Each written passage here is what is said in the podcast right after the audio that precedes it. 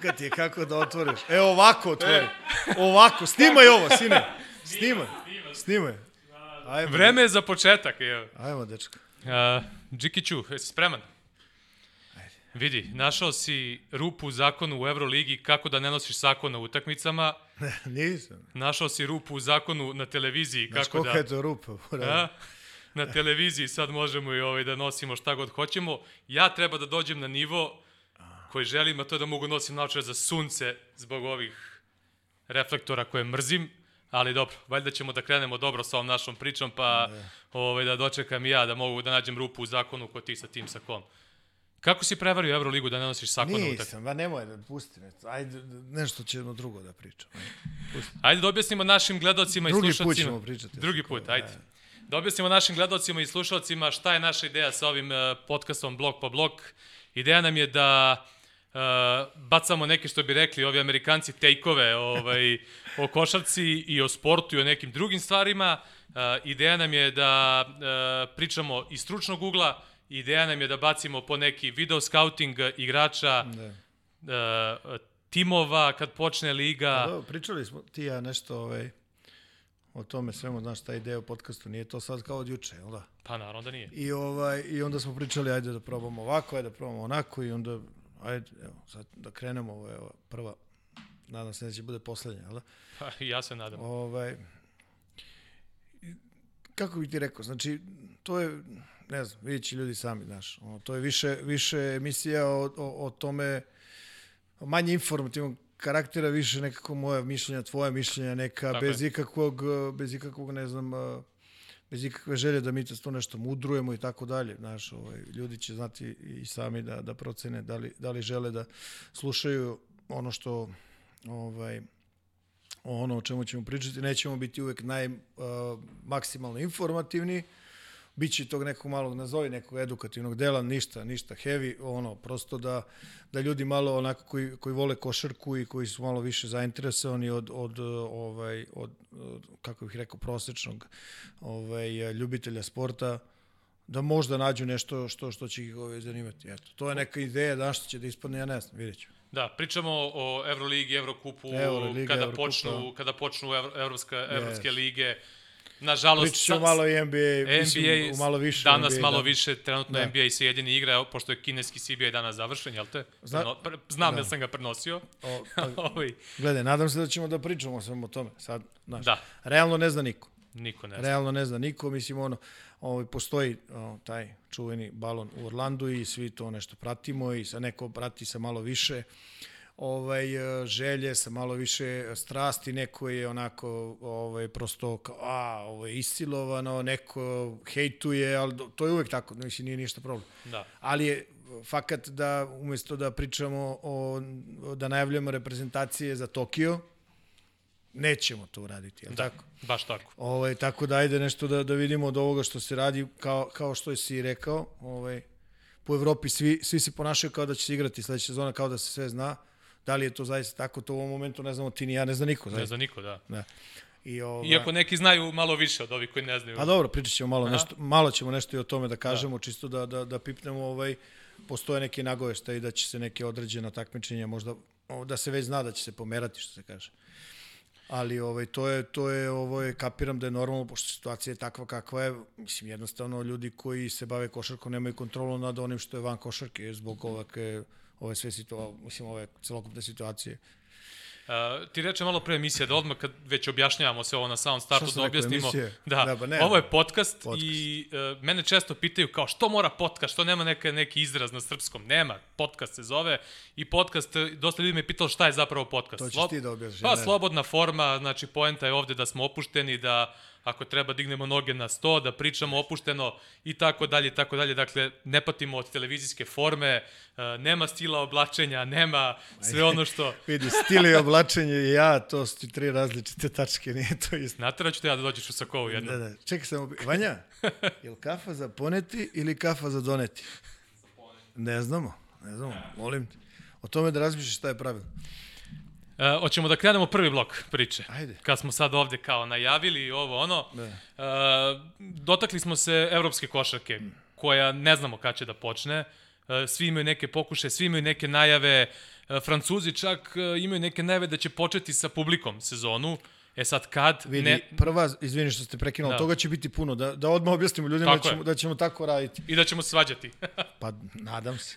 Ove, vidi, prvo što ja znam sad, već za, boga mi koliko, 15 dana, najava je nekog katalonskog kupa je Bilbao ovaj, Baskonja pred 500 gledalaca. To sam danas, Da, To sam i, danas i italijani počinju Super Kup koji se duše isto igra... će biti pred gledalacima. Pa, i- mislim da neće, ali da e, igra se po gradovima, po regionima, da tako kažem, da se, ne, da se timovi ne šetaju, da tako kažem, previše po Italiji, mm -hmm. nego u kom si regionu, tu će, on, tipa Milano, Varese, Cantu, taj region, oni će igrati jednu grupu, druga grupa na nekoj drugoj strani, tako da i oni relativno brzo ovaj, počinju sa tim projektom koji negde treba da zameni predsezonu, prijateljske utakmice, Da. što i Francuzi, na primjer, rade. Francuzi imaju dobar a, taj sistem a, za, za drugu ligu, imaju te neki a, kup francuski koji se igra tokom leta i ti timovi ne moraju da igraju prijateljske utakmice, nego igraju te turnire i to im služi kao priprema za sezonu. Znaš šta, ima tu još jedna stvar. Uh, mislim da ima određenih liga, ne bih sad tu nešto predicirao, o tome ćemo već pričati u sledećim nekim podcastima, kako si rekao.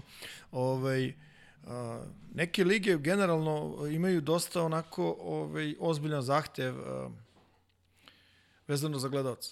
Iz prostog razloga što je usko povezana njihova, ovaj, njihovi budžeti kojima raspolažu su usko povezani sa prodajom karata, a malo više i sa takozvanim malim sponzorima. Znači ne konkretno sad, e, prodaćemo ne znam koliko ovaj, karata i od toga ćemo da živimo, nego jednostavno ta, ta simbioza između, između malih sponzora i, i, i, ovaj, i ovaj, karata koje se prodaju postoji i tu u ozbiljnim košarkaškim zemljama kao što su Nemačka i, i Francuska. I sad šta će od toga da se ovaj, dešava, da li će biti otvorenih uh, tih nazovi utakmica, veliko je pitanje. Znaš, sad, situacija sad kakva je, Hm, ne znam, ja mislim da je to dosta daleko. Ne bih, ne bih ovaj, mislim da, da je da, realnije da ih ne bude nego da ih bude. E sad ova situacija dalje, kako se bude razvijela vakcina, ne vakcina, nemam pojma šta već, lek, ne lek. Ovaj, O, ovo nije podcast o, medicini, tako nema, da ne, nema ne bavimo pojma o se tome, time. nego Da. kažem ti samo, razumeš, to je, realno je, realno je da, da, ovaj, da možda bude problema. Da ne ulazimo, možete da ne otvaramo ono od čega verovatno boli glava sve predsednike i, i generalne menadžere, sportske direktore ili ne znam koga timova, a to je organizacija rada u ovakvim uslovima. To je vrlo, vrlo zahtevna stvar. Organizacija priprema za trenere, Svega, ovi, svega. ovi uslovi su zaista svega, putovanja, specifični. utakmice i tako dalje, znaš, svega. Ok, možeš da skloniš ekipu, možeš stalno da testiraš, možeš da vodiš računa o svemu i svačemu, ali ono, znaš, prosto mislim da ne možeš da imaš kontrolu potpuno Apsolutno. i to je prosto tako. I nema tu sad uh, neke filozofije. NBA, NBA je ovaj, uh, napravio ovaj bubble, ali taj bubble koji funkcioniše savršeno je zapravo samo završetak ove sezone. Nova sezona ne može tako da se igra. ne, ne tako može da, da se igra tako i, i ono što... I oni mora da traže isto. Ali vidi, nećemo da ulazimo, možda neću da otvaram, možda ćemo za neku, ne znam, u nejednoj prilici pričamo o novcu koji je potrošen za to. Da. Znaš. I taj bubble, odnosno taj Disney World, baš sam gledao neke brojke, to je e, po veličini trećina Beograda. Da, ogroman. Da. Ogroman je Mislim, i, u Evropi i to- sadržaj, pa ne, ne, ne samo u Evropi, razumeš, nego generalno naš sadržaj i sve to ono što pruža je ovaj, prilično jedinstveno.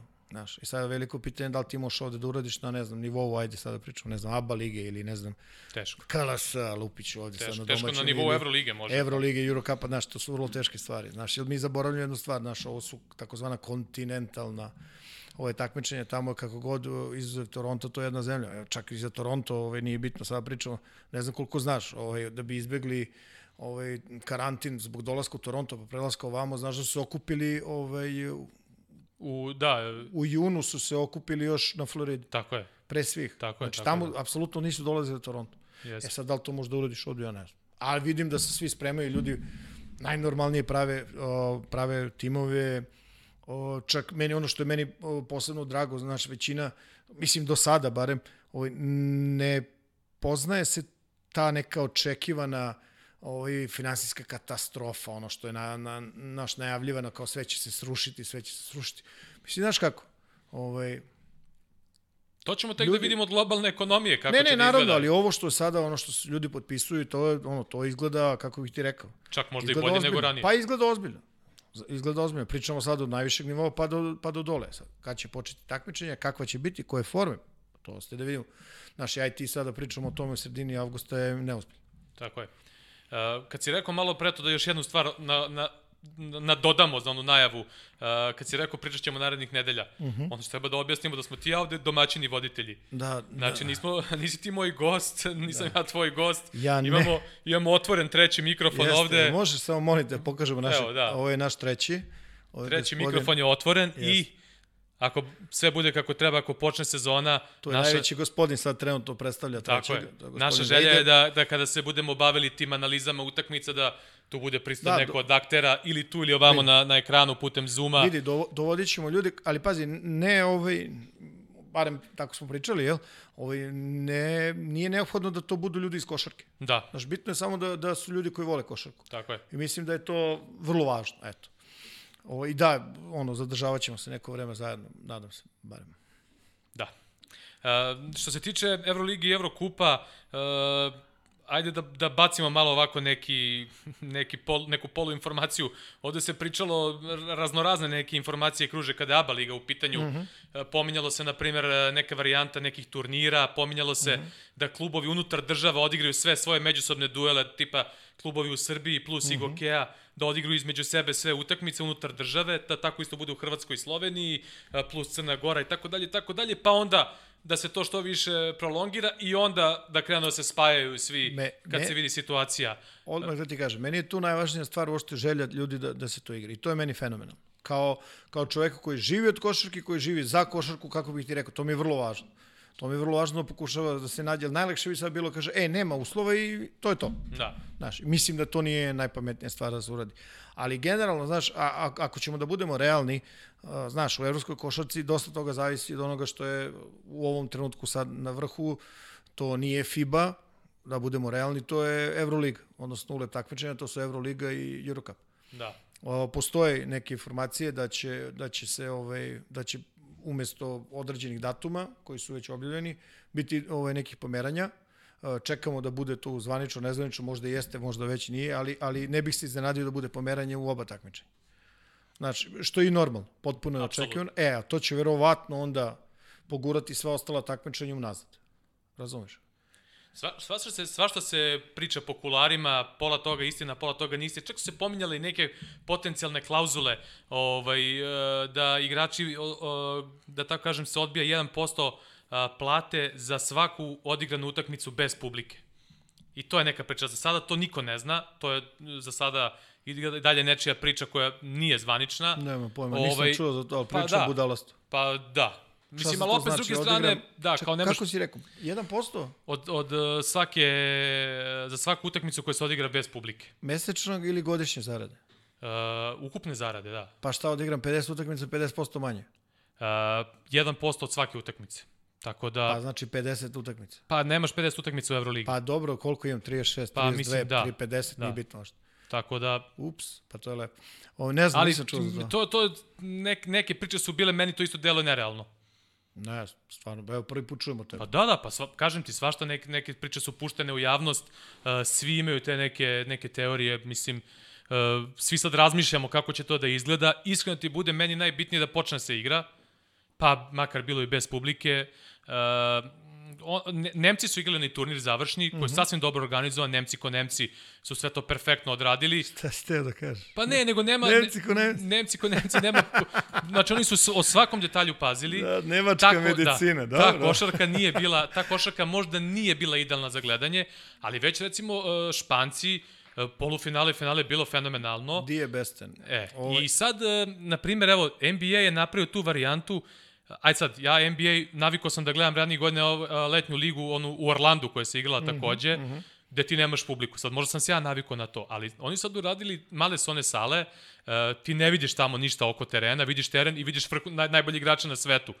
Ako gledaš malo teren, akcije i ostalo, ja, dobro, ja ne je obraćam, nek- ja ne, ne vidi, kontam da je- nema publike. Vidi, to je hibrid sad, izme, to je rešenje, jednostavno to je hibrid između letnjih liga, Pa da. samo što sada na letnjim ligama, po znacima navoda, jel, preneseno, značenje, ovaj, učestvuju najbolji igrači. Tako je. Realno.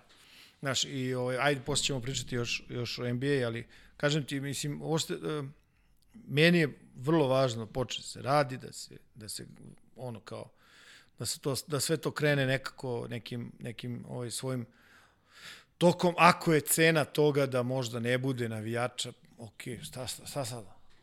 Sta- Pazi, znači ako kreneš, jedna krajnost je da nema, da nema sporta uopšte. Tako ja je. mislim da to nije normalno.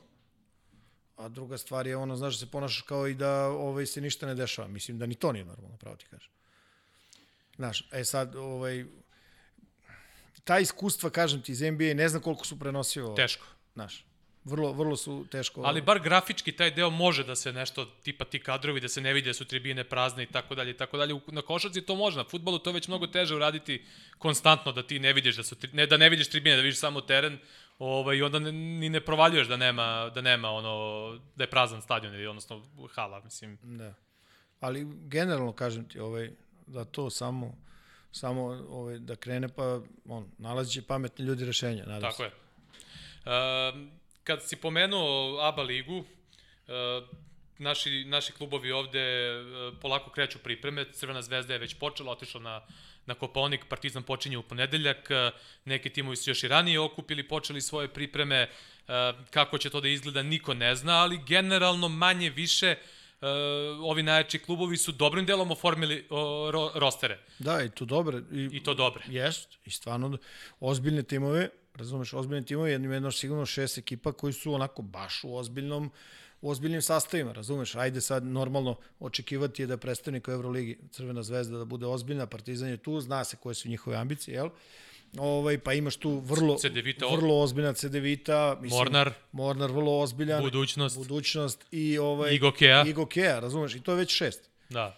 Znaš, to je baš onako, baš, baš ozbiljno. I onda kad pogledaš, ovaj sad treba pobeđivati, vidi, ako se bude igralo ove godine, znaš, ono što je vrlo važno, što je generalno vrlo važno je to, ovo je ono što, što o čemu puno ljudi ne razmišlja, to je ono što je van terena, što se ne vidi, to je organizacija putovanja i svega onoga da bi teren funkcionisao kako treba. Znaš, sad, u ovim uslovima ne znam kako će to funkcioniše, timovi koji više putuju sigurno će imati veći hendikep nego obično.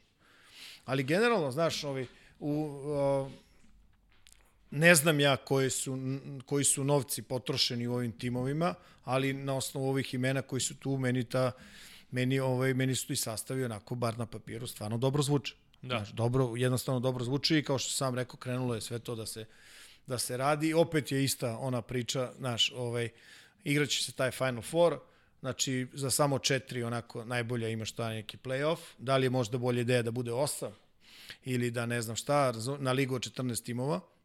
Ovaj, to je opet nešto o čemu treba da se razmišlja i generalno ona, znaš, ona, što se kaže, ovaj, najviša nagrada za, za, za pobednika je učešće u Euroligi. Da. I to je ono što je, što je mislim, trenutno i održava u regionalnu košarku, ono što bi se reklo na okupu. Pomenuo si sad tu organizaciju putovanja, e, mnogo priče je prethodnih dana bilo oko osnivanja Unije igrača. Mm -hmm. e, po mom mišljenju to je stvar koja je tekako potrebna ABA ligi, ne samo ABA ligi, nego bilo koje ligi i ne samo Unija igrača, nego eto, imao sam prilike da, da, da ovaj, pričam sa i sa brojnim trenerima, pa čak i Unija trenera i tako dalje i tako dalje. Moje mišljenje je da će to imati utice da se neke stvari pomere sa mrtve tačke i sama ta organizacija putovanja je jedna od, od predloga a, koji bi trebali da se nađu na Skupštini ABA lige. Kako ti vidiš to sve? Ti si radio u Španiji u, u ligi koja, koja ima svoju uniju igrača. Kako ti gledaš na to osnivanje unije ovde kod nas? Pa dobro, znaš šta, dok se to, dok se to, kako bih ti rekao, dok to ne zaživi, znaš, ovaj, oni, oni moraju, ja ne znam, je bilo zvaničnih pregovora sa, sa vodstvom ligi? Uh, pregovora da li ka, kad izađe to sve na skupštinu onda će se definitivno sve te stvari ovaj uh, izglasati da tako kažem. Pa dakle ja- ovo su sve sad predlozi, Slušaj, nisu ja kapiram da, da, da ovaj, samo trebaju da se, da se povedu da se povedu, da se povedu računa da ovaj, zahtevi budu što realniji. Znaš. Da. Ovaj, s druge strane, znaš kako, ovaj, e, taj regionalni proizvod, da ga tako kažem, košarkaški, on je naš od svih nas, naši, svi mi moramo da ga čuvamo. Tako je. I da idemo na Pa da probaš, da, pa probaš da ideš bolje. Mislim, kapiram da je to ono kao neki cilj. E sad, da li je najveći problem toga o, o, nedostatak do juče Unije igrača, ne bih rekao, nije naravno, ali, ali okej, zašto ne, mislim, to je nešto što... ali pokreće neke stvari sa, A sa dobro, mrtve tačke. okej, valjda je sledeća Unija sudija, pa Unija trenera, Da. Unija, ne znam, nemam pojma, šta ima sledeće. Da. Uh, ajde kad smo uh, već kod ABA lige, idemo na blok koji će biti posvećen video analizama. Pa dobro, da, mi ćemo, ne, pazi, nećemo odmah da, da, da se, Da. Ovaj, da, da objasnimo ljudima. Nećemo mi ovaj, uvek uh, se baviti analizom pojedinog igrača, već in, kad krenu utakmice tako dalje, Tako je. bavit ćemo se koje čime, a, ovaj, ali kad smo razgovarali o ovome prvome, naš, ovaj, pričali smo o tome da, da se recimo pozabavimo Voldenom. Pošto je on za mene, ja bih tako rekao, Zvezda prelaznog roka. ja mislim da on zvezda prelazna roka. Ja isto mislim to. Znaš, i, i to je, i on je to zaslužio. Mislim, Apsolutno. bez sve šale. Znaš, bio je jedan od nosilaca tima koji u momentu prekida lige bio na prvom mestu, vrlo uspešan na Eurokupu. Ovaj, odlučio se za sledeći korak, napravio što je trebalo da, da se napravi. On je ovaj, taj svoj ugovor sa, sa Partizanom iskoristio je klauzulu, može da izađe, otišao je u Euroligaški ovaj tim koji se ovaj, takmiči sledeće sezone u Euroligi i kraj priče o tome. Tako je. E sad, to je sledeća stepenica, ako malo pričamo o njemu, ono, ljudi koji ga duže znaju. Ja igram slučaja ga znam po znacima navoda nešto malo bolje, iz prostog razloga sam probao da ga, da ga, ovaj, da ga dovedem pre nego što je Partizan doveo, bio mi malo preskup, malo više, ali ovaj, uh, generalno znam ko je, znam zato što je, ovaj, on, je, on je prve korake u Evropi ono, ovaj, imao u Ostendeu. Ostendeu, da. I znam da je Dule Đorđević, igrač naš, ovaj, koji ono, u Ostendeu, ne znam, 156.000 godina već. Ovaj, znam A ti da, si ga trenirao u mlađim Da, kategorijama da, pa onda zamisli koliko sam jasna. I, ovaj, i onda, i onda ovaj, baš znam da smo pričali nešto o, o Kori Voldenu, kao, e, ima ovaj momčić ovakav i onakav. I znaš što je zanimljivo? On mi pao u oko. Ja sam gledao igrača s kojim je on, protiv koga je on igrao na nekoj utakmici, nije bitno ime sad, i gledam čovjeka i otprilike ovaj drugi koga ne gledam mi se više sviđa. Pričam o Voldenu, kako, Da. kako mu, i onda međutim potpisao za Partizan, potpisao je na dve godine, mislim da to bio izvanredan potez, izvanredan potez. Ok, on je sada napravio to što je napravio, bilo mu je omogućeno kroz kroz taj ugovor i ovaj otišao je u tim da proba da se ovaj oproba na, na sledećem nivou. Tako to je. je van lige, van NBA lige, to je najviši nivo i tu nema nikakve dileme o tome da li igrač traži ovaj sledeći izazov. Jer on, kako bih rekao, znaš, iz, iz Belgije je otišao u jaču ligu, to je Izraelska liga, iz Izraelske lige je otišao u, u veći klub Partizan, igrao je vrlo dobro u Eurokupu, igrao je vrlo dobro u regionalnom takmičenju i sad hoće da se oproba dalje. Kako će biti, ja ne znam, ali ono što je činjenica je, znaš, on je, kako bih rekao, što je veći izazov bio, on je bio bolji. Znači, da. nastavlja se razvija. Meni najfascinantnije kod njega, ja sam to često pričao prošle godine u prenosima i u studijskim emisijama i čak i u nekim intervjuima, intervjuima koje sam ja dao, pa me pitaju kao šta bi ti ocenio, kao koji je, koji je u Partizanu ostavio najjači utisak. I sad, ono, svi, svi smo negde bili saglasni da Partizan imao ekipu koja je tako koncipirana da niko ne iskače previše, ali ja sam tad rekao, ono, ako već nekog moram da izdvojim, to mi je Volden, jer što ti kažeš, ja sam ga od ranije pratio i od Stende i od Hapol Hulona, i u- Hapoelu ti si vidio, on je, ono, davao poene, ok, liga je drugačija, napadačka je liga, što ti kažeš, undersize liga i sve ostalo. E, I on je često znao tu iz onog prvog bloka da digne s 9 metara, da pogodi, da se zaleti. Ja sam razmišljao da li će sa takvom igrom on moći da se prilagodi igri koja se igra u Partizanu. Uh, I sad ti imaš one igrače koji dođu i kao prilagode se, ali ti vidiš da on ono treperi i da nije baš najkomforniji u toj ulozi. Meni je fascinantno bilo kod Voldana što on sve ne je bio miran, on je bio komforan u toj svojoj ulozi, uh, nije forsirao, igrao je dobro, radio je sjajne stvari uvek na defanzivnom skoku, uh, one ničije lopte stalno osvaja, lepe mu se za ruke, uh, kad treba povuče, pogodi i sve ostalo. Znači, baš mi je onako igrač koji ima budućnost da, da ode na više nivo. Pa vidi ovako, znači on, on stvari koje se vide, ono što se kaže iz aviona. Znači prvo on je, on je atletski stvarno jedan uh, talentovan igrač. Tu nema dileme. I Oba on, kraja parketa. Oba kraja. I, on, i, on, I ono što je vrlo bitno, ono što ga odvaja od velike većine igrača, on, ovaj, on stvarno nije ovaj, stvarno nije orijentisan onako o, samo na napad.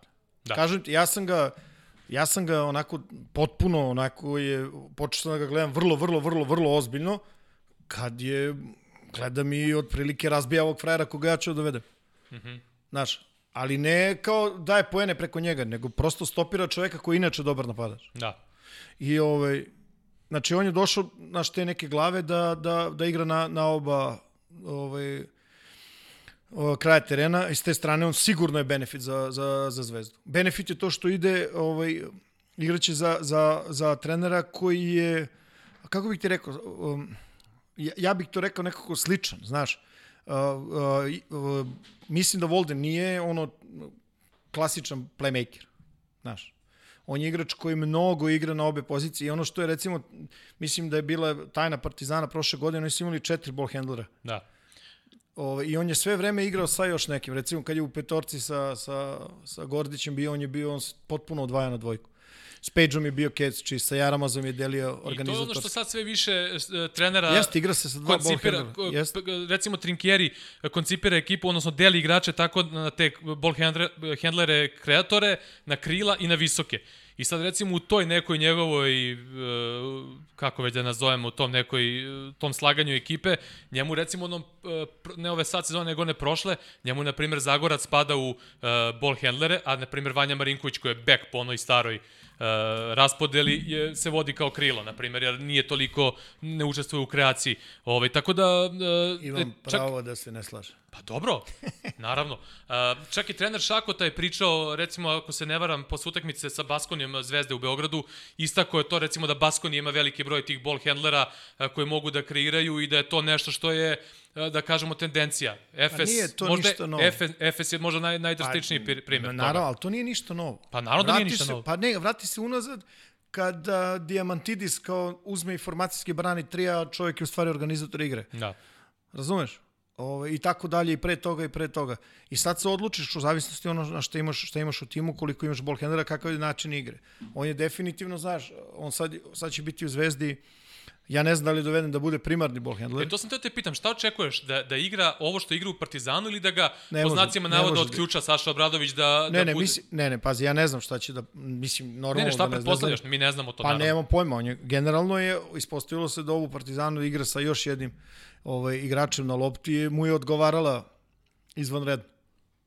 E sad, da li će, da li će ovaj, o, da li će i s kim će biti u paru tamo i kako će igrati, to ne znam.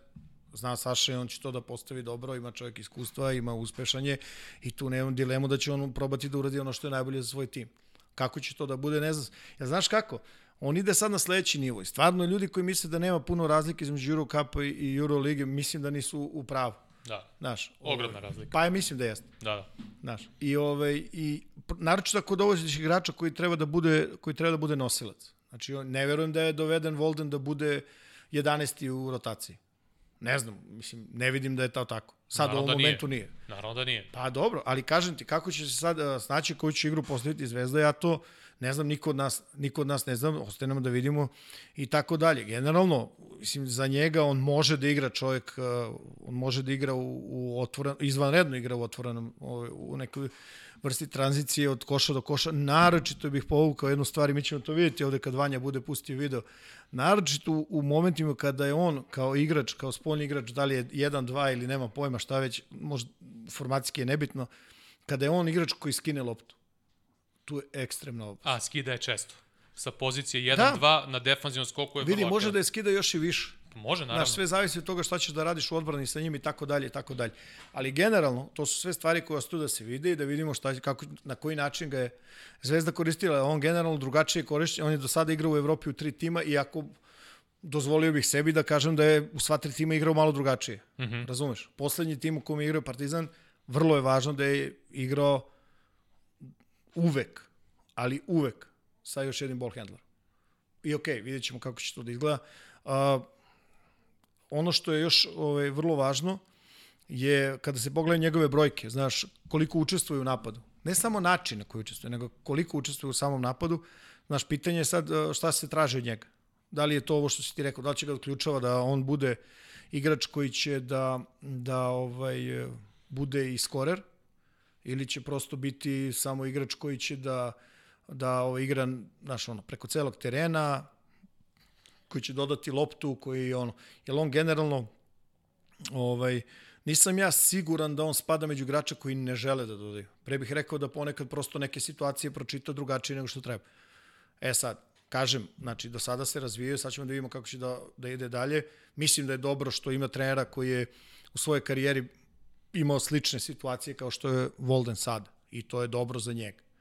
E sad, znaš, ako staviš veliki pritisak njega, nikad ne znaš kako će to da se desi. Šta će se desiti. Da, ono što mogu da, da kažem, eh, kada je prošla sezona u pitanju u Partizanu, uh, Volden uh, je, nije morao da ima neku upadljivu statistiku O tome- da bi ti konstatovao da on igra odlično. I ono što se najbolje videlo, Znaš koliko je trošio lopti, ne znam, šest i nešto puta. da, da. Znaš, Nije uopšte preterivao, Pa ne. a kad je, bila, kad je bila frka, povukao je protiv Virtusa u Bolonji, kad se Gordić povredio i pokazao je da, da može 30 komotno da, da stavi. I ono što je meni, e, sad imao je partida nekih povreda tokom sezone, e, nije bilo to, toliko, ali imao ih je, e, tih par nekih utakmica kada je Volden propustio, nekako mi je to najdrastičnije videlo da Partizan drugačije izgleda bez njega. Kad se on vratio, potpuno druga priča. Pa dobro, rekli smo na početku da vrlo je važno u timu koji je bio prvi u regionalnoj ligi koji je bio prvi i pred završnicu Evrokupa. Znači, vrlo važan igrač. Da li je on taj koji menja ovaj, ovaj, potpuno igru, ja mislim da je bio vrlo važan za Partizan na oba, na oba kraja terena. Znaš, na oba kraja terena.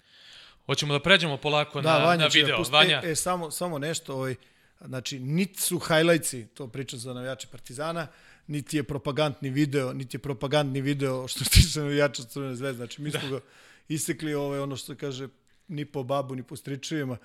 Evo, prvo su te situacije, vidjet ćemo, znači, to je pre, kako bih rekao, pre spostavljanja odbrane, vrlo prodorno od koša do koša. da, igra u ranom napadu. Znači, odmah, to je, na, napadaju se rupe i završice. E, vidi sad, ovo su promašaj. Da li se fali, ne, ne, dolazimo do ovo što je to, ali, znaš, sledeći nivo mora bude bolje završice, on to sigurno zna. Znaš, prepoznaje mi meč odmah napada, ok, ovde sad u savršenom svetu, da, da li je mogao da traži Page-a u uglu, da li je mogao da traži, ne znam ko je bio drugi, sigurno. Ali ovo, znaš, jedan, tri, i on je moćan, on je, on je fizički moćan igrač i on je ponekad i situacije u kojima izgleda kao da, da nešto forsira, prosto ja mislim da ne osjeća odbranu. Znaš, ovaj, ponavljam, sledeći nivo, bolje završnice.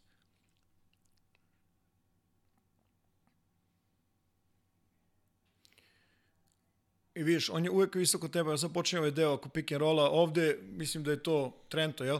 Oni su odlučili na utakmici, velika većina tih timova su odlučivalo i ovde sledeći primer. Pogledaj koliko ga duboko puštaju da, da. Da. da odlazi, znaš, to je... Čak i ispod bloka ovde. Pa da, stalno ide ta priča, znaš, da li Volden može da pogodi, ne može da pogodi, sad, znaš, to su one, imaju, postoje onaj takozvani realni procenat i ovaj, ovde vidiš da, da prosto u samoj pick and roll igri on nikad nije, zbog toga što je vrlo brz, vrlo prodan igrač, vidiš da stalno mu se daje nekakav prostor. E sad, tu postoji jedan realan problem, a to je, ovaj, ako u Zvezdi se ograniči samo na ova rešenja koje sad ovde vidimo, Da, naravno da će pogađati ponekad i tako dalje i ovaj, nema, nema dileme da, da će biti efikasan u nekim situacijama, međutim da li je to ono što, što treba zvezdi? Jer ne mora da znači da ono što je dobro za njega može da bude dobro za njih. Ovo je jedan zanimljiv primer, dva primera, recimo Ritas je, Ritas je iskakao na njega i ovaj, iako ga ne tretiraju kao šutera i on misli da je mogao da, da traži bolje rešenje, kažem, sledeći nivo, bolja završnica i bolja, i bolja rešenja, ovaj, uh, on ima taj napadački, on, kako bih rekao, ceo taj paket je tu, znači tri poena prodor, šut sa polu distance, ovde konkretno protiv Bolonje, oni su ga čuvali sa, sa dosta toga, ograničavali se ga u igri ovaj, 2 na 2, bez puno pomoći, terali su njega da donosi, da donosi odluke. E sad, da li će ovo biti, evo, ovo je još jedan primer, isto Lokomotiva igra tako da ga praktično dovodi u, u, u situaciju da on mora da bude skorer. Ovo je vrlo zanimljivo nešto, ovaj, on je vrlo prodoran igrač posle tog drugog koraka. Gledaj, sad, znači, o, o, obrati pažnju. I kad napada, napada pod vrlo oštrim uglovima. Da. Pod vrlo oštrim uglovima, kažem, moraće da, da ovaj, te završnice, i ono što je zanimljivo, maltene da u levo, gde, gde ređ ide, ovo ima bolju završnicu nego desno. Bar na ovim, s nekim, na ovim nekim snimcima koje smo odabrali ovaj, i poskidali sa, iz Eurokupa ovaj, uh, iz prošle sezone. Uh, mislim da sad počinjemo protiv Switcha. Jeste. Da. E sad, znaš, ovo je uvek jedno od rešenja i sad, znaš, uvek je lako. Sad ja ti gledam ovdje i kažem, e, treba je ovo, treba Naravno, ono, pa da. pusti tu priču. Ali, ovaj, ali generalno ima prostora gde će da se razvija i on to zna i znaju ljudi koji su ga angažovali. Na kraju krajeva zavisi od timskih eh, principa Naravno. kako se napada Switch. Pa ne, naravno, mislim, nema tu, nema tu neke, nema tu neke, ovaj, nema tu neke filozofije, ali, znaš, opet, ponavljam, ovaj, kad napada, kad napada iz pick and rolla, napada pod vrlo, vrlo oštrim uglovima.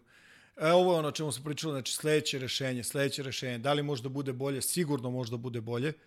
I to je onaj, to je onaj deo, znaš, kada, kada kažu ljudi, naš, nije, nije tamo Gordić sam na, na šutu, međutim on vidi obruč.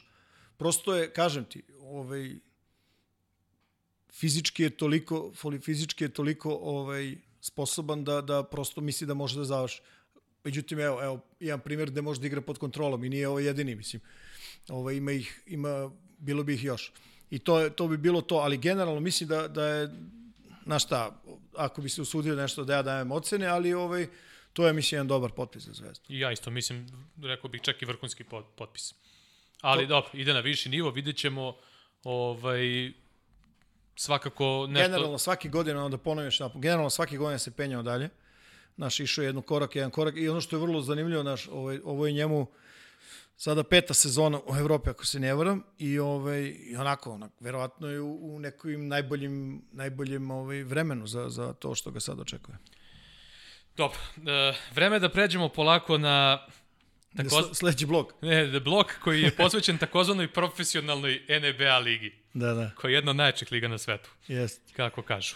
Da. Uh, hoćemo da se uh, bacimo prvo na priču o Bablu ili ćemo da, da biramo ne. nagrade? Aj, aj, aj da se nagradimo pa ćemo posle o Bablu. Aj se nagradimo. Aj. Ovaj, ti znaš da ja to ne volim nikako, ali ti si mi ubedio.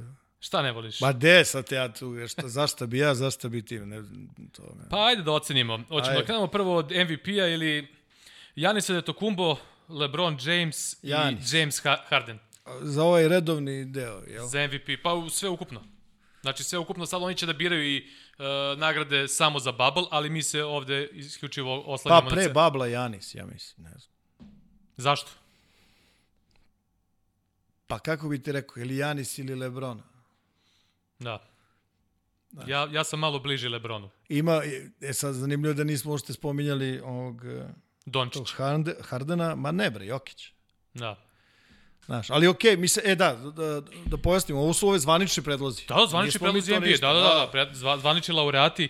Meni, na primjer, da kažem, nije mi prijalo što je Luka Dončić za igrača koji je najviše, najviše napredova, da nije u ovoj nekoj više konkurenciji, a Devonte Graham nije među igračima koji su najviše napredovali, a po mom mišljenju je... To je mali Charlotte. Da, da. Pa on je za tu nagradu, pravo da ti kažem. Pa to ti kažem, on je za tu da. nagradu, on ili Bema Debajo, po mom mišljenju.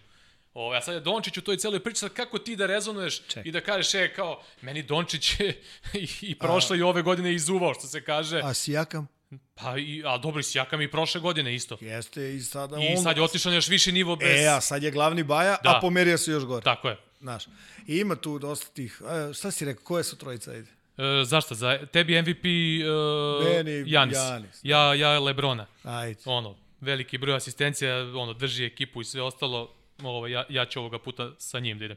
Znači, igrač koji najviše napredovao, Bema Debajo, Luka Dončić, Brandon Igram, meni Dončić ne, ne spada u grupu igrača koji su najviše napredovali, tako da neću ne konstatujem to, ovaj, iako realno da možda on to dobije, s obzirom na, ali po mom mišljenju kažem ne treba da bude u ovoj grupi, ja bi Bema Debaja stavio jer neverovatan uticaj ima na, na igru Majamija, radi svakakve stvari, značajno je napredovo od igrača koji je bio ono profilisan da radi jednu ili dve stvari, radi milion stvari sada bukvalno, ali ajde, kako ja sada da kažem Bema Debajo kada je Luka Dončić tu u konkurenciji? Pa šta je? A ovako bi se razmišljao Devonte Graham ili Bema Debajo. Da. Tu i Brandon Ingram inače u ponudi. Pa teško je da kažeš, znaš, e, nije Luka. Pa teško. Mnoge glave popadaše zbog Luke ove dve godine. Pa, ko im je da? krivio? Pa dobro. Traž, tražili... A, ti si znao da će da bude ovako. Pa nisam znao, mislim, Ajde. ono, ja sam očekio da će igrati dobro, ali nekako je utisak... Mnogo brzo igra u, dobro, ja. U kontakt, mnogo brzo, ali u kontaktu sa, sa ljudima iz NBA, oni su, imam utisak kao da svi trudili da mu traže neke mane. Pa dobro, pa to znači Na, da, je, pa, da je zvezda, man. Pa da. Tako da, ne znam šta bi ti rekao. Pa ajmo dalje. Ja sam za ovoga iz Miami, eto. Za Bema Debaja. Isto smo, znači za Bema Debaja. Eto. Uh, šesti igrač. Sad se ljudi vate zgledaju što priče. Ovaj, yes, imamo Aj. pravo na svoje mišljenje. Yes. Ovaj, uh, najbolji šesti igrač, to ono svake godine ista priča, ono Lou Williams, ovaj, ili kako ga je Shaq prozvao, Chicken Wings Williams. Znamo i zbog čega, mislim. Da. Čovek je svratio na, na krilca. A ovaj, u, što si takav? U striptease klub. Pa kako? Pa gde će? Pa ne, ne, Sve zatvoreno. Pa nije, ne, slobodno, ali eh. meni malo bez veze, ono, bubble, ovo, ono, vodimo računa. Ti ko da pa nikad kao... nisi završio strip iz kluba na, na, na krilca. Ajde, čut, ajde. Dobro, znači Montrez Harrell, Dennis Schroeder i Lou Williams. Lou Williams je ono višegodišnji dobitnik. Lou Williams, kraj priče. Za mene, bar. Slažem se. On ili Montrez, tu mi je drama, ali eto, s njima dvojicom praktično Clippersi nemaju klupu, oni imaju dva nosioca na, na, na, na Ima. klupi, maltene. Ima 5 plus 2 i trener i to. Pa, da. Uh, rookie of the year. Ja Morant, Kendrick Nunn, Zion Williamson. Ja idem sa Ja Morantom. Pa vidi Zajan da je bio da je bio Nema dovoljno minuta pa da, znaš, baš ga onako nešto poteralo bilo. Da.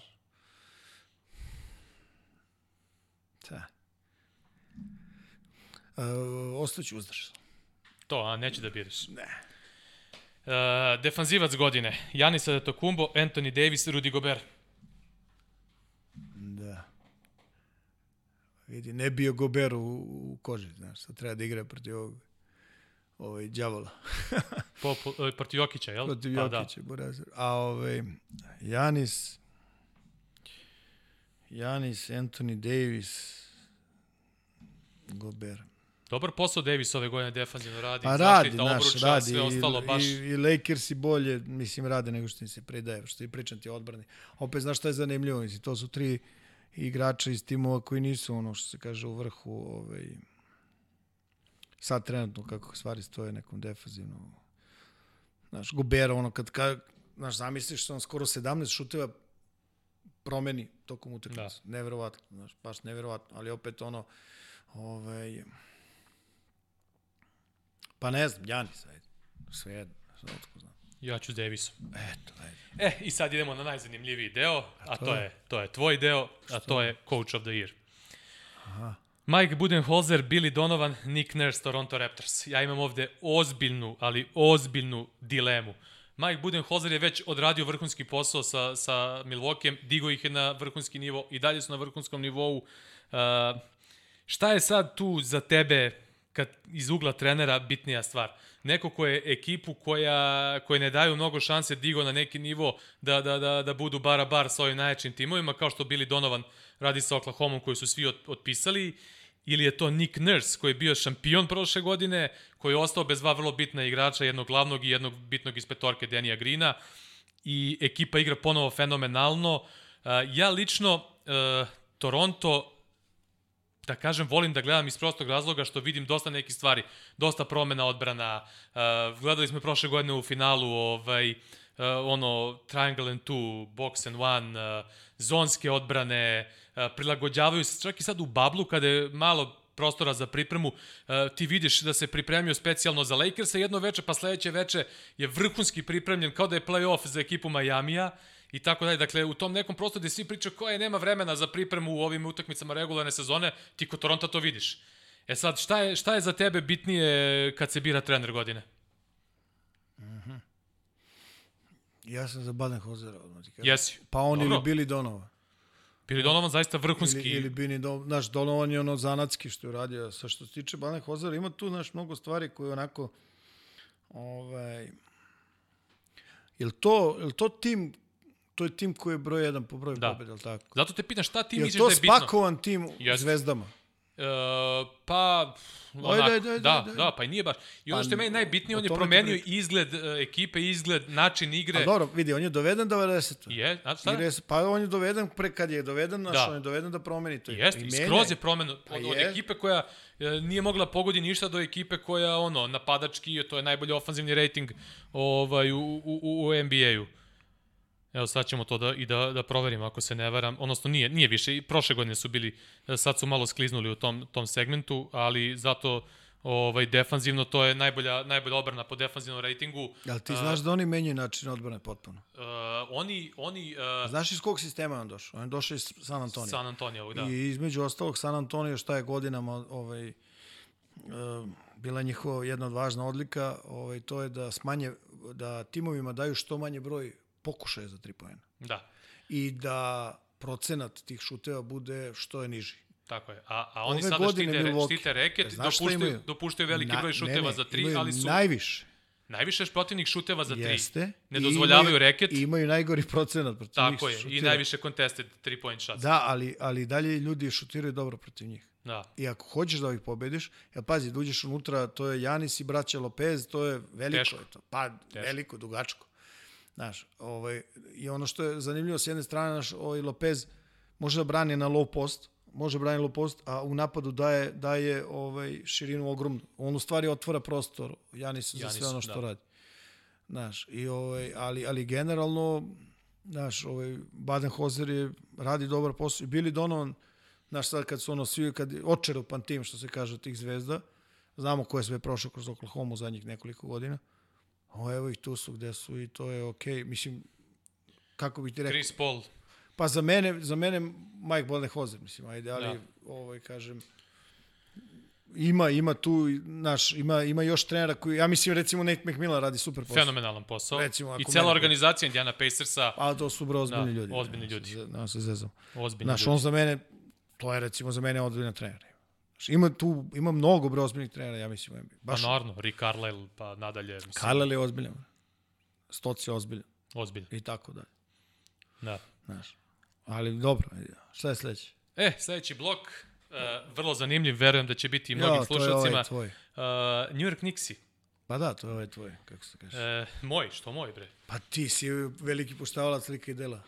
Ne znam odakle ti ta informacija, ali uh, hoću da pričam na tu temu i to mi je vrlo zanimljiva tema. Nixi imaju dosta navijača ovde na ovim prostorima i ovaj, normalno. ja sam ih volao 90-ih, Pa naravno. volao sam ono Pa njihov koga se fight. treba da voliš? Pa, e, kako komentarišeš ti Nixi uh, uh, u ozbiljnim problemima svih ovih godina, lutanje, da li je James Dolan kriv, da li je neko drugi kriv, uh, mnogo toga tu poremećeno i u odnosima i tako dalje i tako dalje. Uh, činjenica je da su najbolju košarku igrali u periodu kad su krljali. Znači i ono sa Van Gandijem i pre toga sa Petom Rileyem kad su igrali na tuču. Uh, kad je to Ne, bio... ali vidi, ne možeš da krljaš ako nemaš ljude koji krljaju. Naravno, e. Uh, sad ono što se uh, spočitava stalno Tomu Tibodovu, to je da je kao old school trener, da se previše trenira, da igrači imaju preveliku minutažu, dakle da ne ide, uh, da ne, ne prati, da kažem, ove moderne tendencije uh, u, u NBA i košarci. Pa možda zato što je trener, nije juče završio pa danas uzo tim. E, druga stvar. Bilo je dosta priča, čak i on sam isticao da u ovom periodu dok nije imao posao da je posećivao mnoge Yes. NBA franšize i kao kažu da je navodno on to rešio da promeni u tom nekom segmentu, da se prilagodi malo novim vremenima.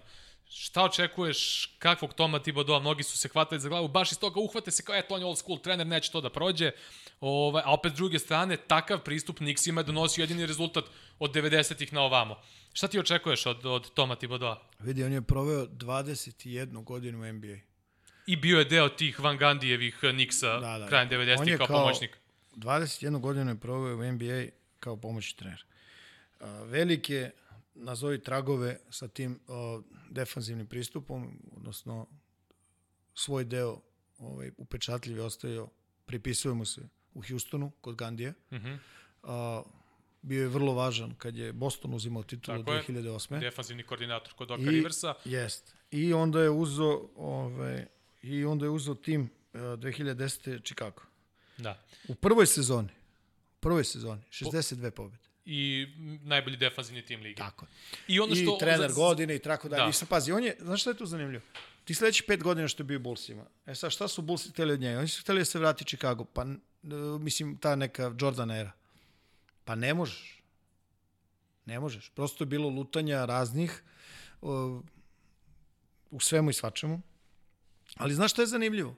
On je dalje pobeđivo 3-2 utakmice, Jeste. 65% pobjeda. Jeste. Pa čak, I, čak I ono što ga Minnesota- prati, izvini, i ono što ga prati kroz tu celu priču je, znaš, on on je recimo, uh, ako ne znam da li je najbolji, ali mislim znam da je uvijek bio nešto u vrhu trenera koji pobeđuju takozvane ovaj, uh, clutch games, ono, znaš, Da, da, da, da, da, da, da. uh, tesne rezultate. Da. I tu je, ne znam, groza neki, ono, preko 60% close games je on bli, utakmica koje su završene sa malom razlikom, znači poen 2 on, on je to on je to završavao. E sad on je to ovaj, dobio je što se kaže ovaj te utakmice. I ja ću da ti skratim priču sad o njemu. Za njega nisu šalabajzeri. On ne radi sa šalabajzerima. Da. Znaš, i ima ta legendarna priča, ovaj kao šta je Biliček u Petriocima, e, ti bodoje u košaci, znači ono totalni frik, kontrola, trte mrte. Ja znam je, ja znam da kad je uzeo Minnesota, ja sam tad bio u Vegasu sa Torontom, on je trenirao čoveče ovu letnju ligu, Da, tim za letnju da, ligu. da, Ali da. znaš kako je radio? On je radio, ovi su gledali svi. Znači, on je radio. Na, sve, od početka do kraja. Ja mrzim tu etiketu koju su mu nalepili, kao Koju? previše se radi, kao, mislim, Pa ne, dobro, to... mislim, ne razumem, šta znači previše se... Pa dobro, previše se radi. Nekad nije bio load management, sad ima. Da. Znači, samo je kako... Sad dođe, šta sad, treba kaže Kavaju Leonardu, ti nešto grešiš, majstore, on traži load management, ne igra 20 i ne znam koliko utakmica i uzme titulu. Da. Promeni tim, sad je taj tim, opet će se boriti za titulu. Verovatno, mislim, ako se ne znam šta čudno ne desi. Ja sam u pravo? Da. Pa mislim, šta sad? Ali, ali generalno, znaš što se njega tiče, on će probati da traži igrače koji, koji će biti, kako bih ti rekao, spremni da, da, da, ovaj, da pobede. A vidi, on je došao u tim, ovaj, kad pogledaš ko je sve radio u New York Knicks, znaš, Phil Jackson nije morao da radi New York Knicks, otišao u New York Knicks. Da. Pat Riley nije morao da radi, taj je bio na vrhuncu, otišao u Knicks. Znači ima tu nešto to magično vezano za te New York Knicks, si- ti što je si- normalno. ti si Centar bio- si sveta. Ti si bio u NBA-u. Da. Da. da li postoji, postoji bilo gde veći pritisak nego biti Ma u New ne. York Knicksima i u Lakersima? Ne, pa prvo Nixi, pa onda Lakers. Pa da. Pa mislim, to Znači, je taj pritisak- rivalitet East-West, ko, Da. da. naš obala, istočna, zapadna, centar sveta, centar para, centar mode, centar film, ne znam sve čega ne. I normalno deo, te, ovaj, deo tog miljeja su i, i Madison Square Garden, odnosno New York Knicks. I sad. Mnogi nisu izdržali taj pritisak New Yorka. Mnogi. Pa dobro, nije Da. da. to ništa... Ne, naravno, naravno. Vidi, sad tu ima, sad, sad tu ima jedna stvar, znaš, ti kažeš on će se promeni, a ima, ne znam, o, 60 i nešto posto pobed, naš pobeđivo do sada. Šta, sa- šta, znaš, kao promenit će način rada, ne znam, ostajem da vidim. To se da vidimo, da. Njemu treba sigurno dve godine da očisti to od igrača koji prosto ne mogu da prate taj način rada, neće da rade, mislim, pa kako bi ti rekao, ono, ja, ja koristim tu reč šalabajzer. Ima ih bre koliko hoćeš. Ima, ima dosta mladih igrača u ekipi. Uh, uzeo za pomoćnika Kenija Payna, jednog od prvih pomoćnika uh, Johna Kaliparija uh, sa Kentakija, koji je poznat po tome da stvara odličan odnos sa igračima i da je zadužen za, za razvoj tih mladih igrača. Da li možda to ide u, u prilog toj tezi da on pokušava malo da se... Njemu je pomoćnik bio u Chicago Ron Adams, koji je kasnije prešao u Golden State Pa i defanzivno... Nije, nije on prešao. Pa mislim, otišao je zato što niste li ga produže i tu je puklo sve. Tu je puklo u Bullsima zato što... Ko nije htio da ga produži? On. Pa ja kažem, uh, nije, teo, nije tela upravo da ga produži. Tako, takva je zvanična priča bila. Zamisli, poduralo, podudarilo se sa, sa dizanjem ovih Kojih? Golden State. Adams je značajan deo tog tima. Pa kako nije, zato ti kažem. Znaš, recimo u tim šampionskim godinama oni su bili jedan izvanredan, ovaj, ozbiljan odbranbeni tim. Tako je. Na pa stranu sve ono, znaš, Sve ono, pa ja sam to trudio se prenosima da pričam, ljudi gledaju drugo vrlo pažljivo selektirani i tako dalje. Znaš, sve, nije, sve, to, sve. nije to zezanje. I tu je puklo navodno između uh, front office Bullsa i Toma Thibodeau kad nisu hteli da produže Ron Adamsa da mu daju novi ugovor. E sad, kažem ti, dovodi, dovodi čoveka koji je poznat po tome da stvara dobar odnos sa mladim igračima i razvija ih. E sad, kako će to da funkcioniše? E, ono što je interesantno, Leon Rose je došao ovaj, na čelo organizacije New York Knicksa, sve veća tendencija bivših superagenata da dolaze na čelo e, franšiza. I ono što je meni bilo interesantno, od nekih 10-11 kandidata koji su se pominjali, svi su bili njegovi klijenti, odnosno njegove agencije bivše. Ovo, između ostalog i Tom Thibodeau je jedan od njih. Jesi siguran? Da, da, da, da, bilo je 7 od 11. 7 od 11 ili 7 od 10 su bili ono klijenti te agencije, da, da je ne, imene. Pričaš o trenerima? O trenerima, da. A, E, ali dobro, nije sad to ni bitno, zna, negde, ja sam imao utisak da je Tom Thibodeau i tako se i pisalo i iako su se mnoga imena pro, pominjala, ne. negde sam bio ubeđen da će Thibodeau i da doberu. E sad, ovaj, a, pojačali su front office sa još jednom interesantnom figurom, William Wesley, kako ga Jalen Rose prozva, World Wide Wes. I mislim da taj nadimak dovoljno govori. To je čovek koga možda vidiš na tuči Indijane i Detroit Pistonsa, možda ga vidiš ovamo, možda ga vidiš ovamo i negde mi deluje da i to neki potez koji Nik se pokušava malo da, da, da trgne iz ovoga gde su, gde su zapali. Pa dobro, ima i toga, nešto moraju da probaju. Znaš, ne mogu Da. da. rade ono što rade drugi i da se izvuku iz situacije u kojoj su, a zna se da je sve to zahtevno i tako dalje i tako dalje. Sad je, znaš, ovaj, ono što sam teo da, da završim, pa mi nisi dozvolio, to je, to je već normalno. Pa ovo je i tvoj podcast, slobodno upadni u reč. ne, čekaj. Sad, znaš, ti Bodo dolazi. Sad, je li on spasilac? ne. Pa niko nije spasilac, pa, mislim, to mora jer, krvo da... Pa o tome se i radi, znaš, u Nixima je sad, znaš, on ima s jedne, svakom drugom timu, on bi verovatno imao tu, kako bih ti rekao, dobru situaciju, e, ma daj bre, ovi su, znaš, ono, stvarno nisu kako treba, aj sad ćeš to da kreneš, ali jasno, mnogo je pitanje koliko će, recimo, ovaj, kako će mediji da ga prihvate u smislu koliko će vremena da mu daju. Znaš, znači, da li će da bude reset za godinu, dve, tri godine, nemam pojma, ili će da kažu ne može ovako i tako dalje i tako dalje. Znaš, ali ja ću da kažem naglas ono što je vrlo zanimljivo, a to je, e, u, isto, u istoj godini kad počinje, navodno, ovaj, oporavak New York Knicksa, počinje oporavak i Chicago Bullsa. Da.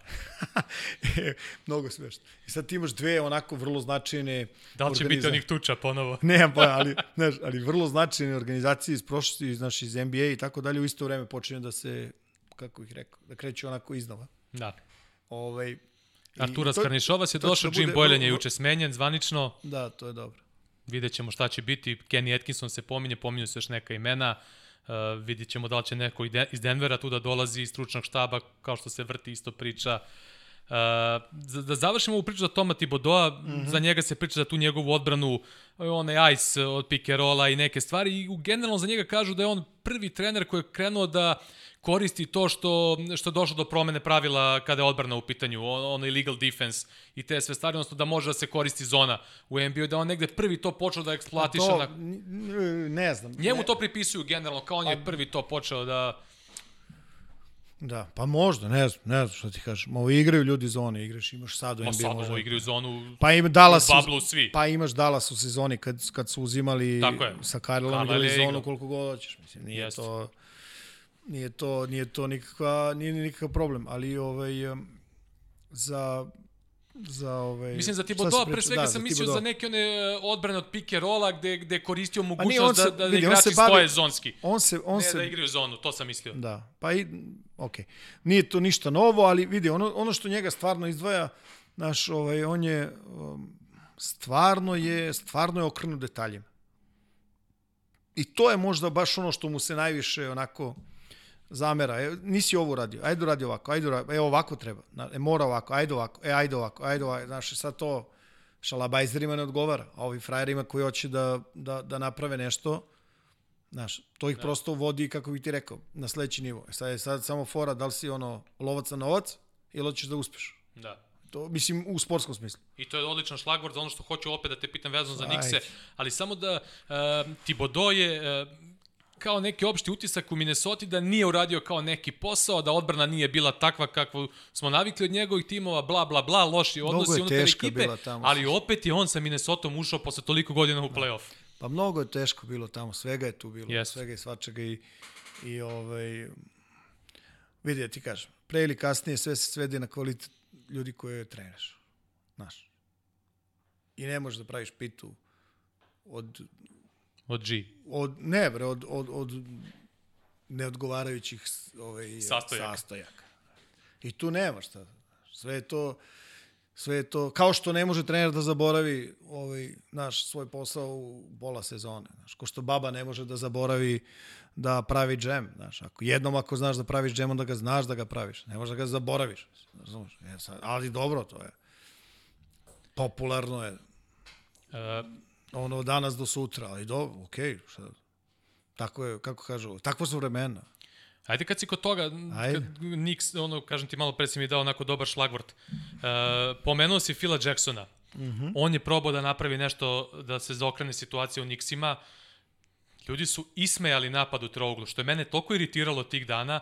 Znači, čovek koji tolike titule uzeo uh, i kao, eto, to je zastarela... Ne. Uh, ne, ne, ma, ja, ma, mislim, to je smešna priča. Uh, najbolji primjer Golden State, koji dosta elemenata napada u trouglu dosta ima. Timo, imaš dosta e. timova u NBA i nije to nov napad. Znaš, nije samo se, nije, da. Znaš, ima, to je već legenda, Tex Winter, kad je to krenulo i iz čega je izašlo i tako dalje, i posledica čega i za koga je prvi put napravljeno i tako dalje. I sad, kako bih ti rekao, ovaj, potrefilo se i Slavu je ovaj, napad u triangle i triangle offense dobio sa Jordanom i tako dalje. Tako i posle Gde imaš uh, puno post-up igra, izolacija, puno kretanja bez lopte i tako dalje i tako dalje. Radi se puno na, na takozvanom rasporedu igrača ili spacingu i tako dalje. E, sad... Da, izvini da te prekinem. Da. Uh, čitao sam negde još odavno, uh, ispravim ako grešim, mislim da je Tex Winter rekao da je možda jedna od najvećih snaga napada u trouglu taj raspored igrača koji je idealan da, da, za odbranu idealan za, od... za odbranu u smislu da tvoju ekipu da kad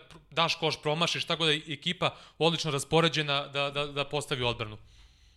Čekaj, ajde još jedan, niste razumio, majke mi. Da je napadački, evo, da? to, to je sad i u futbalu postalo. Da se Aha, ti misliš kad pređeš unazad da imaš kontrolu šta se dešava u tranzicionoj odbrani. Da iz triangla ulaziš u dobar raspored u odbrani. Da, da, da, da, da, da, da, da, da, da. Je pa- to kao jedna od najvećih snaga zapravo. Pa ne samo to, imaš, mislim, vidi da ti kažem. Uh, tendencija, imaš, imaš onaj, onaj čuveni, ovaj, imaš onu čuvenu anegdotu Greg Popović, znaš, mhm. -huh. na prvom treningu kad uzme i kao pravi foru, jeli, ko je prošle godine bio najgori, ne znam, ili ko će, najgori ovaj tim u skoku u odbora, u napadu. I onda, ne znam, kažeš, ti, pa mi smo bili. Ko će biti sledeće godine, ko će biti ove godine, ovaj, najgori bit ćemo biti pope. I sad, znaš, ono, menjaju se ljudi. Sad, žrtvuješ, žrtvuješ ovaj, broj igrača koji uključuješ u skoku u napadu zbog te takozvane ravnoteže u Tako. tranzicijnoj odbrani. Zato što u NBA trenutno imaš stvarno veliki broj igrača koji su u otvorenom terenu. Ne možeš da ih zaustaviš ukoliko ideš istovremeno i na skok i nazad. Prosto je, igraš u prednost svog protivnika. I to su Pop i Doc Rivers bili najpoznatiji po tome da njihove ekipe skoro da ne napadaju ofanzivni skok iz tog razloga. I to je to. I to je to. Znaš, recimo, imaš Toronto. Toronto uspeš da usporiš, da iskontrolišeš u toj nekoj tranziciji, koja je recimo ekstremno opasna kad si jakam povuče. Tako je. To je počelo još od Casey-a, pa se nastavilo sad sa ovim Nursom. Ovaj, ali ako uspeš da ih iskontrolišeš, da napadaju po dubini i da naprave, da teraju odbranu da se skuplja, a uvek imaju mani, minimum tri ovaj, šutera, minimum tri, šutera van tri poena, onda ovaj, i uteraš ih u neki nazovi ovaj, pozicijni napad, stvarno može da im napraviš probleme. Da.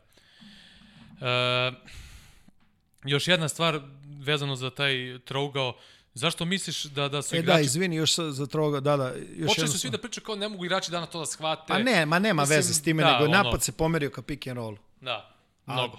A, a Triangle ima, ima naravno delove u kojima se igra pick and roll, ima rasporede iz kojih možda se ulazi u pick and roll, ali generalno nije, nije napad koji je zasnovan toliko na, na, na, na pick and roll saradnji, dok danas naročito naročito u evropskoj košarci, pa i tamo, mislim, nije to ništa, ne znam kakva velika razlika.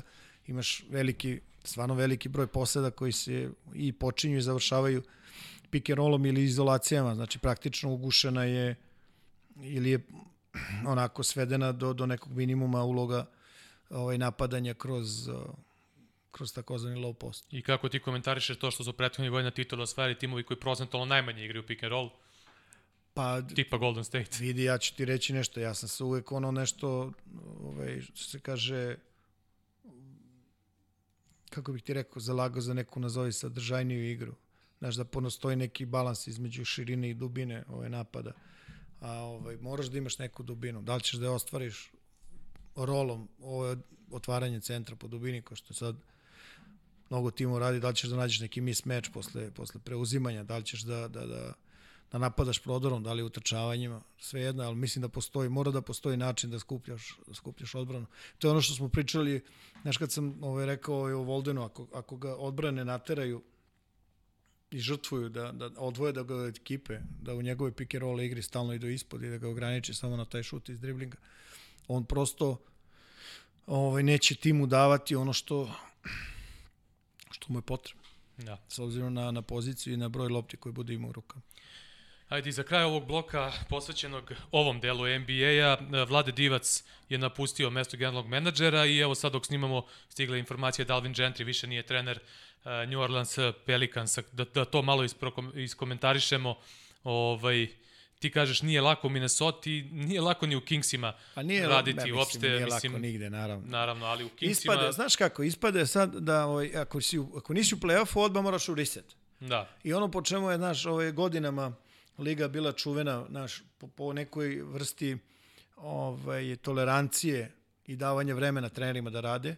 znaš, sad se ubrzava taj tempo, znaš, nekako je, ljudi se, ljudi se ovaj, dosta brzo odlučuju za promene i tako dalje, za tako dalje.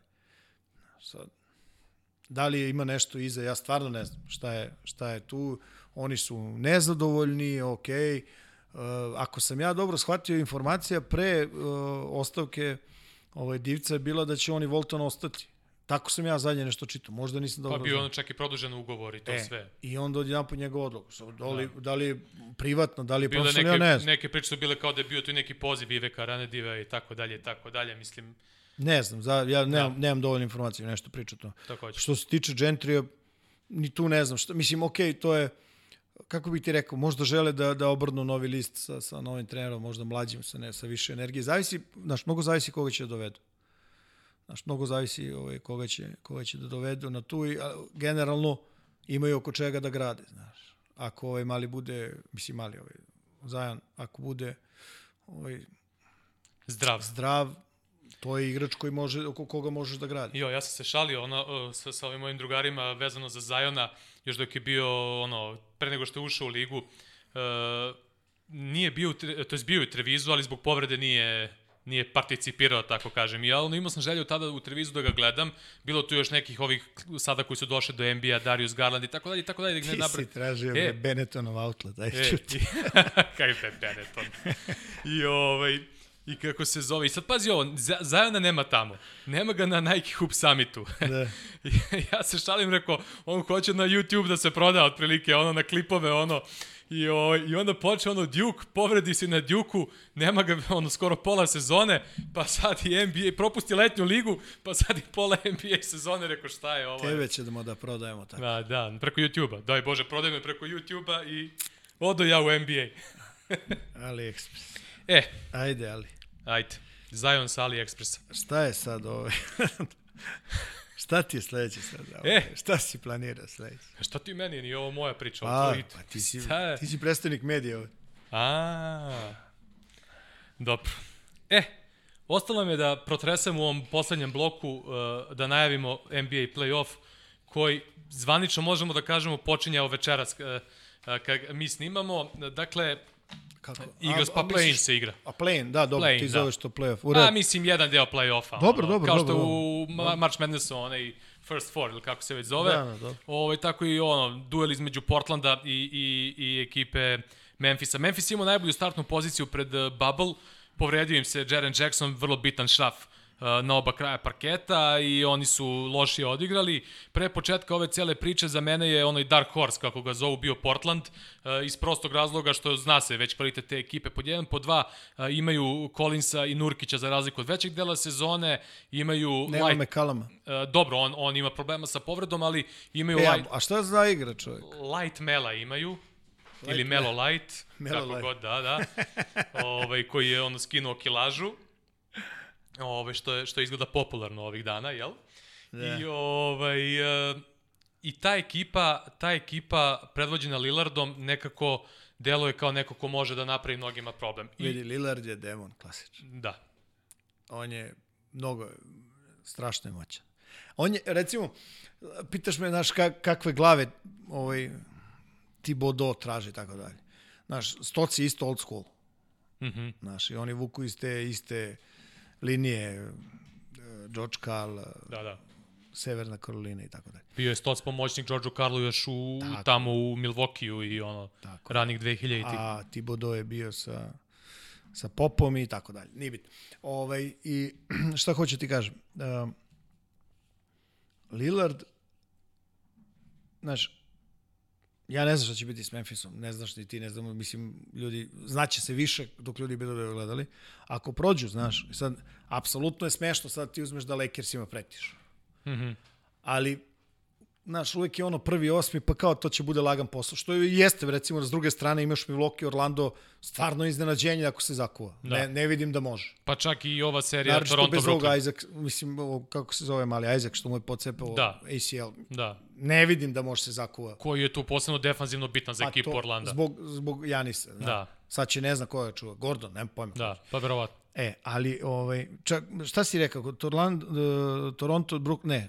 Pa Toronto, Brooklyn i Milwaukee, Orlando generalno dve serije gde bi negde manje da, više ne bi trebalo da, da se bude nešto, nekih većih problema. ne da. bi trebalo nešto da se kuva, ali e, tu je ovaj, tu je ovaj, znaš, Orlando mnogo, Mislim, ovaj, događaj je mnogo, kako bih ti rekao, specifičan. E, jedan, jedan, jedan, jedan test menja sve.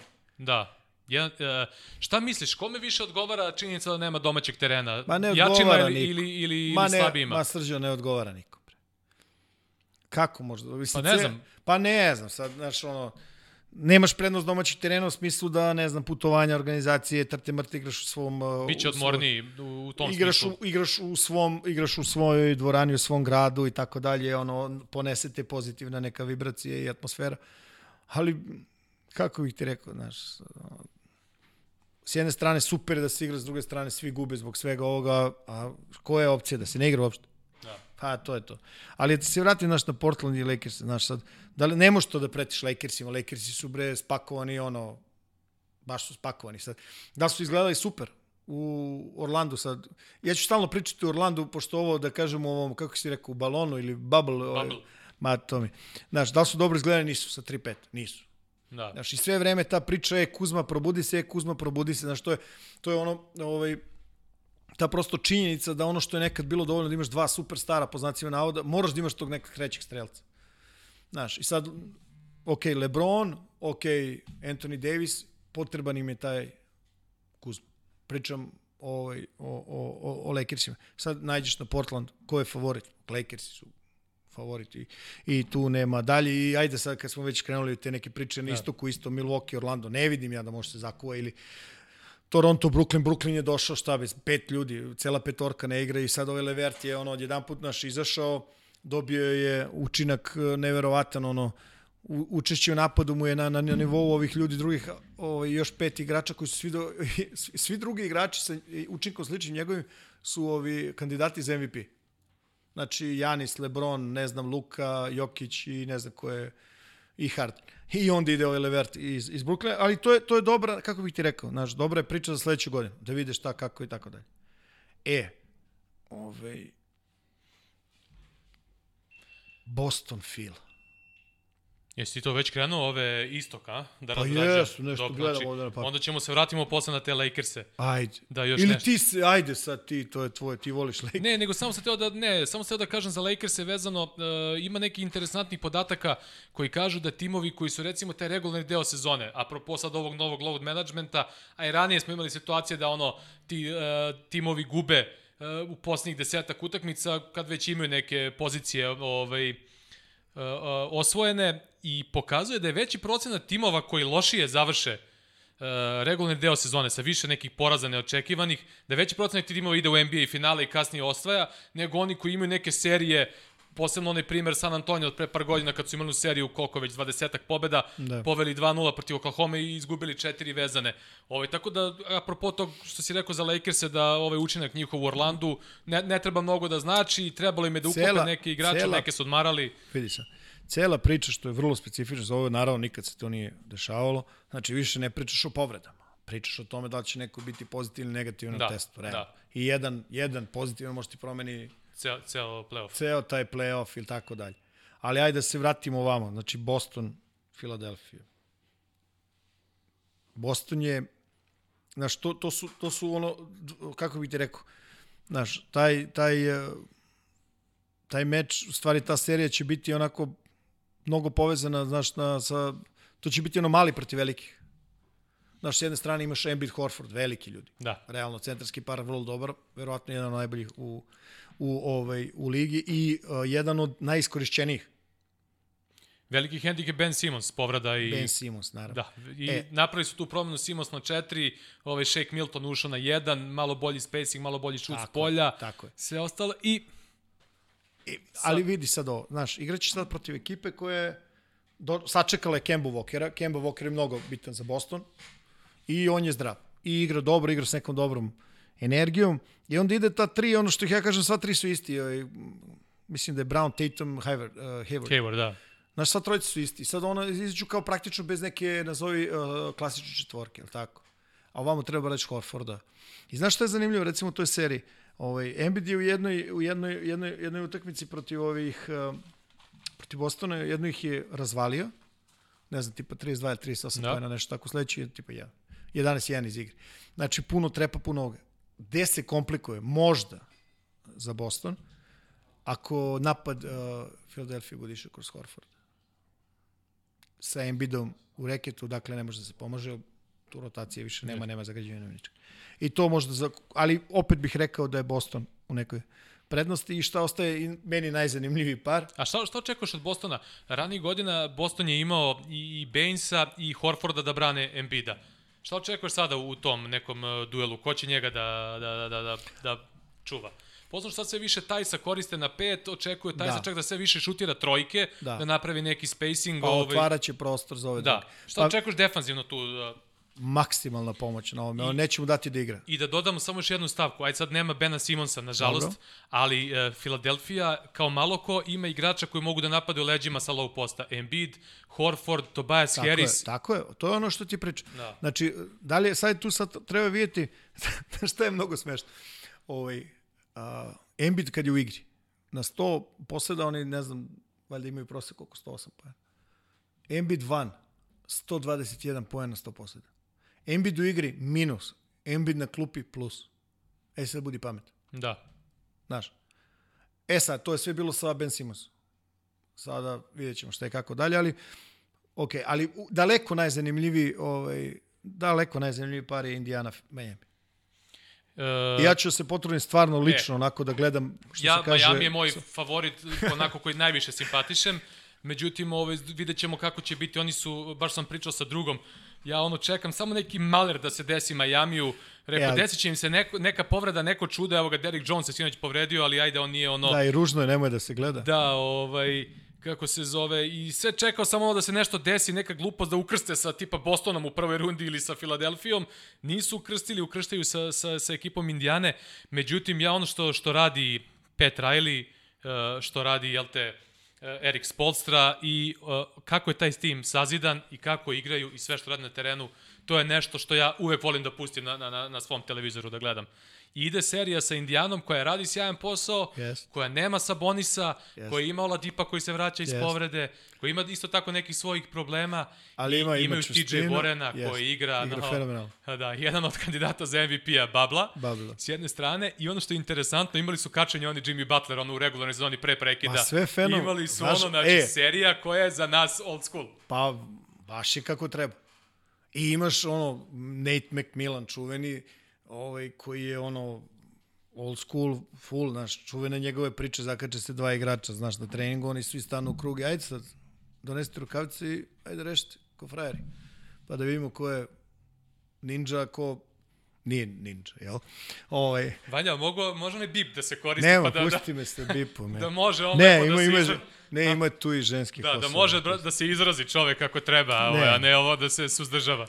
Znaš šta, Miami, Miami ja volim gledam, Miami, mislim, volim gledam Dragića, aj sad da ne, mislim, nešto sam malo njemu pomogao.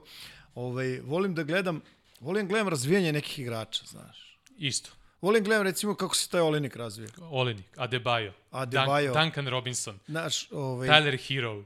pa jest. I Duncan šta- Robinson koji je bio ono slušaj, treća divizija NCAA-a, pa Michigan. A Pa. znaš šta je ovo, zan- znaš šta je strašno zanimljivo? Oni, e, tačno su, znaš, imaju iskustvo tamo gde treba. Znaš, oni mogu lagano da istrče sa petorkom gde, ovaj, kako se zove, Godala, Mhm. na pet.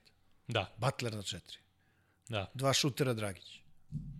I sve više, sve više ono, vidim neke stvari uh, koje je preneo Erik Spolstra iz Golden State-a, igraju onaj, onaj split uh, i go dala na niski post, pa split gore za ove šutere, ono, fenomenalno Pa to rade. šutere. Uh, iz uručenja za Duncana Robinsona, nekako, to, to mi je poezija, ono, koš, košarkaška. dobro. Baš volim to da, to, da, to da vidim. Uh, Jay Crowder, bitan segment, njegov dolazak nakon trejda, ulazak u petorku na četiri, Yes. Adebayo na pet, Yes. nekako je poprilično promenio tok stvari u, u Majamiju. Vidi, prvo što su, pa ne znam, devet onako igrača možeš se osloniš lagano. Boga mi devet, je li tako? Pa Sigurno jest, devet. jest. Međutim, problem je kad ispadnu, ko što je bila situacija, ispadnu Dragić, na primjer, i, i Butler, zatvoriš im Hirova i Duncana Robinsona, imali su velikih problema. Imali su velikih problema. Toronto im je zatvorio, Milwaukee u drugom polovremenu im je zatvorio, nisu mogli da kupe koš u određenim fazama utakmice, nažalost. Šta je tu rešenje za tebe? Aha. Pokušavam da vidim ovde, uh, Miami je jedan od timova sa najboljim procentom šuta za 3 poena. Ove, značajno su te, te stvari podigli, posebno sad u, ovim nekim utakmicama. Da. Duncan Ali, Robinson. ali recimo to je apsolutno naj, naj, ovi, naj, uh, meni naj, najbolji par, najzanimljiviji par na, na istoku. E, sad se vratimo na zapad. Ti ćeš da pričaš Clippers i Dallas, to su tvoji timovi. Uš. Ovaj, Da krenem ili... hajde, daj samo ti, vozi. Uh, ja kak, ti kad kažeš ja ću da pričam, ja ću da, da udarim priču, a ti ćeš da, da, ovaj, da se nadovežeš. Da. Uh, da li misliš da Clippersi, uh, Clippersi uh, po mom mišljenju od početka sezone igraju playoff košarku? Tako mi delo. Znači, nisu oni ni tim koji igra najlepšu košarku, ni nešto se svi sad lepe za njihovu igru i tamo vamo. Imaju, ajde, ajde da se ograničimo, imaju tri igrača koji mogu ozbiljnu razliku da naprave, ako ne i više. Ovaj, koji mogu jedan na jedan da reše svakoga. Defanzivno, sjajni, e, mogu da slože petorke na više načina. Vraća im se sad e, Montrez Harrell, e, Lou Williams je propustio neke mečeve, Beverly je imao problema. E, Recimo, Nekako mi je ličilo uh, Doc Rivers ono što je u Bostonu 2008. Svi su stalno komentarisali kao, a ne mogu oni da uzmu titulu, nije to ono, kao doveli su superstarove, ali ne igraju onako. Mm. I stalno neka kritika, svi kao nešto misle ne igraju, a oni playoff košarka, dođu u sedmu, oni dobiju sedmu, dođe druga serija u sedmu, oni dobiju sedmu. Da li ti Clippersi liče na tu ekipu sada, da, da su oni ti koji... on je, on je ozbiljan trener. Kako nije? On je mnogo ozbiljan trener, ima mnogo ozbiljan tim, ima ozbiljne frajere u timu. Mm -hmm. Ima ozbiljne frajere u timu. Znaš. I ovaj i generalno znaš recimo Možda dva playoff- najbolja two-way igrača u Paul George i, i Kawhi. I to na jednom mestu. Anthony Davis. Dobro, dobro, ali kažem, među Aha, na, najboljima... na, u- na, misliš na spoljnim pozicijama? Pa ne, ne, među, među najboljima u ligi on ima dvojicu Da. od onih koji su najbolji u ligi. A recimo, vidi, uh, sad porediš njih i Dallas, pošto ja mislim da je u play-offu iskustvo vrlo bitno. Kako ne? Na stranu ovo sve što pričamo, jedan test menja sve i tako dalje.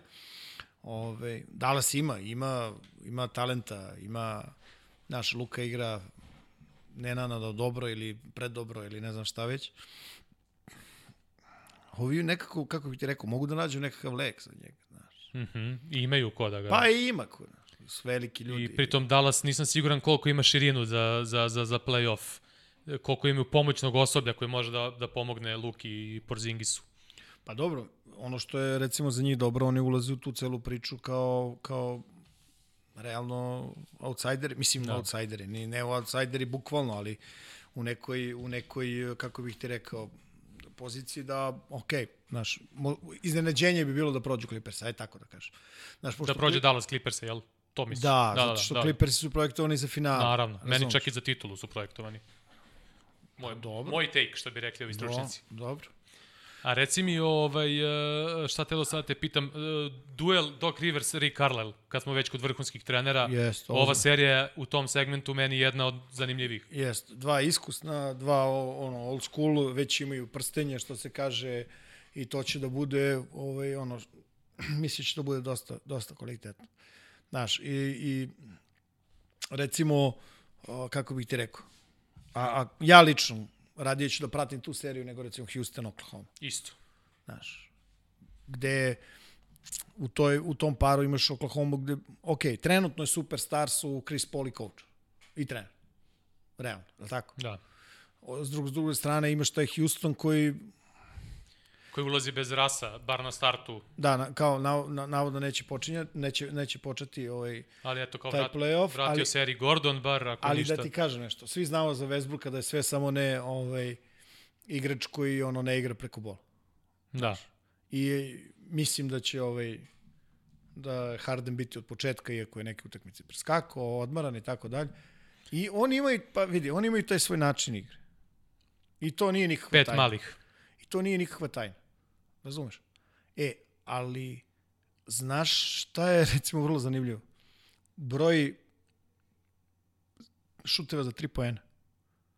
Znaš da Dallas ispaljuje više trojke od njih? Da. da, da. Ja sad recimo... Uh, Pod, ej, boljim procentom.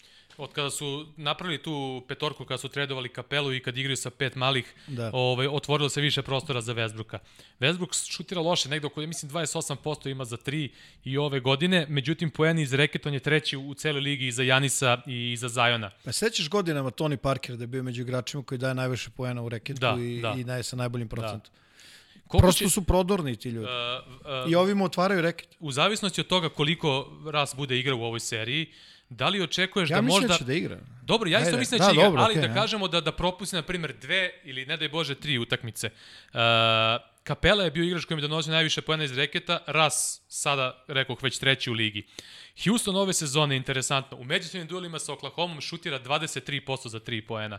Ako ne budu šutirali, ako budu tako šutirali, Pa ako... dobro, on, ali, očekuješ da Oklahoma može napravi problem Houstonu ili ne? pa sam si rekao, mislim, znaš, oni će sigurno kontrolisati te šuteve. Ne, nije to nikakva filozofija, igraš protiv Houstona, znaš šta treba da zastaviš u tranziciji i ono, praviš zid ispred Westbrooka koliko god možeš da praviš zid i probaš da Hardena onako, on će sam da se izoluje iz ekipe, da mu probaš da ga što više u odbrani iskoristiš, da ga napadaš i da igraš kroz njega da bi s druge strane moglo to negde da se nakupi u ne znam kakav umor ili ne znam neki pritisak i tako dalje i tako dalje. E sad, znaš, ono, kapiram da, da postoji i, i, i jedan deo toga da možda Westbrook Harden naš hoće dokažu da, ok, znaš, mogli bi mi malo dalje to da, da, da izvučemo u našu košarku i da odemo do, ne znam, finala konferencije ili tako dalje. E, ovaj,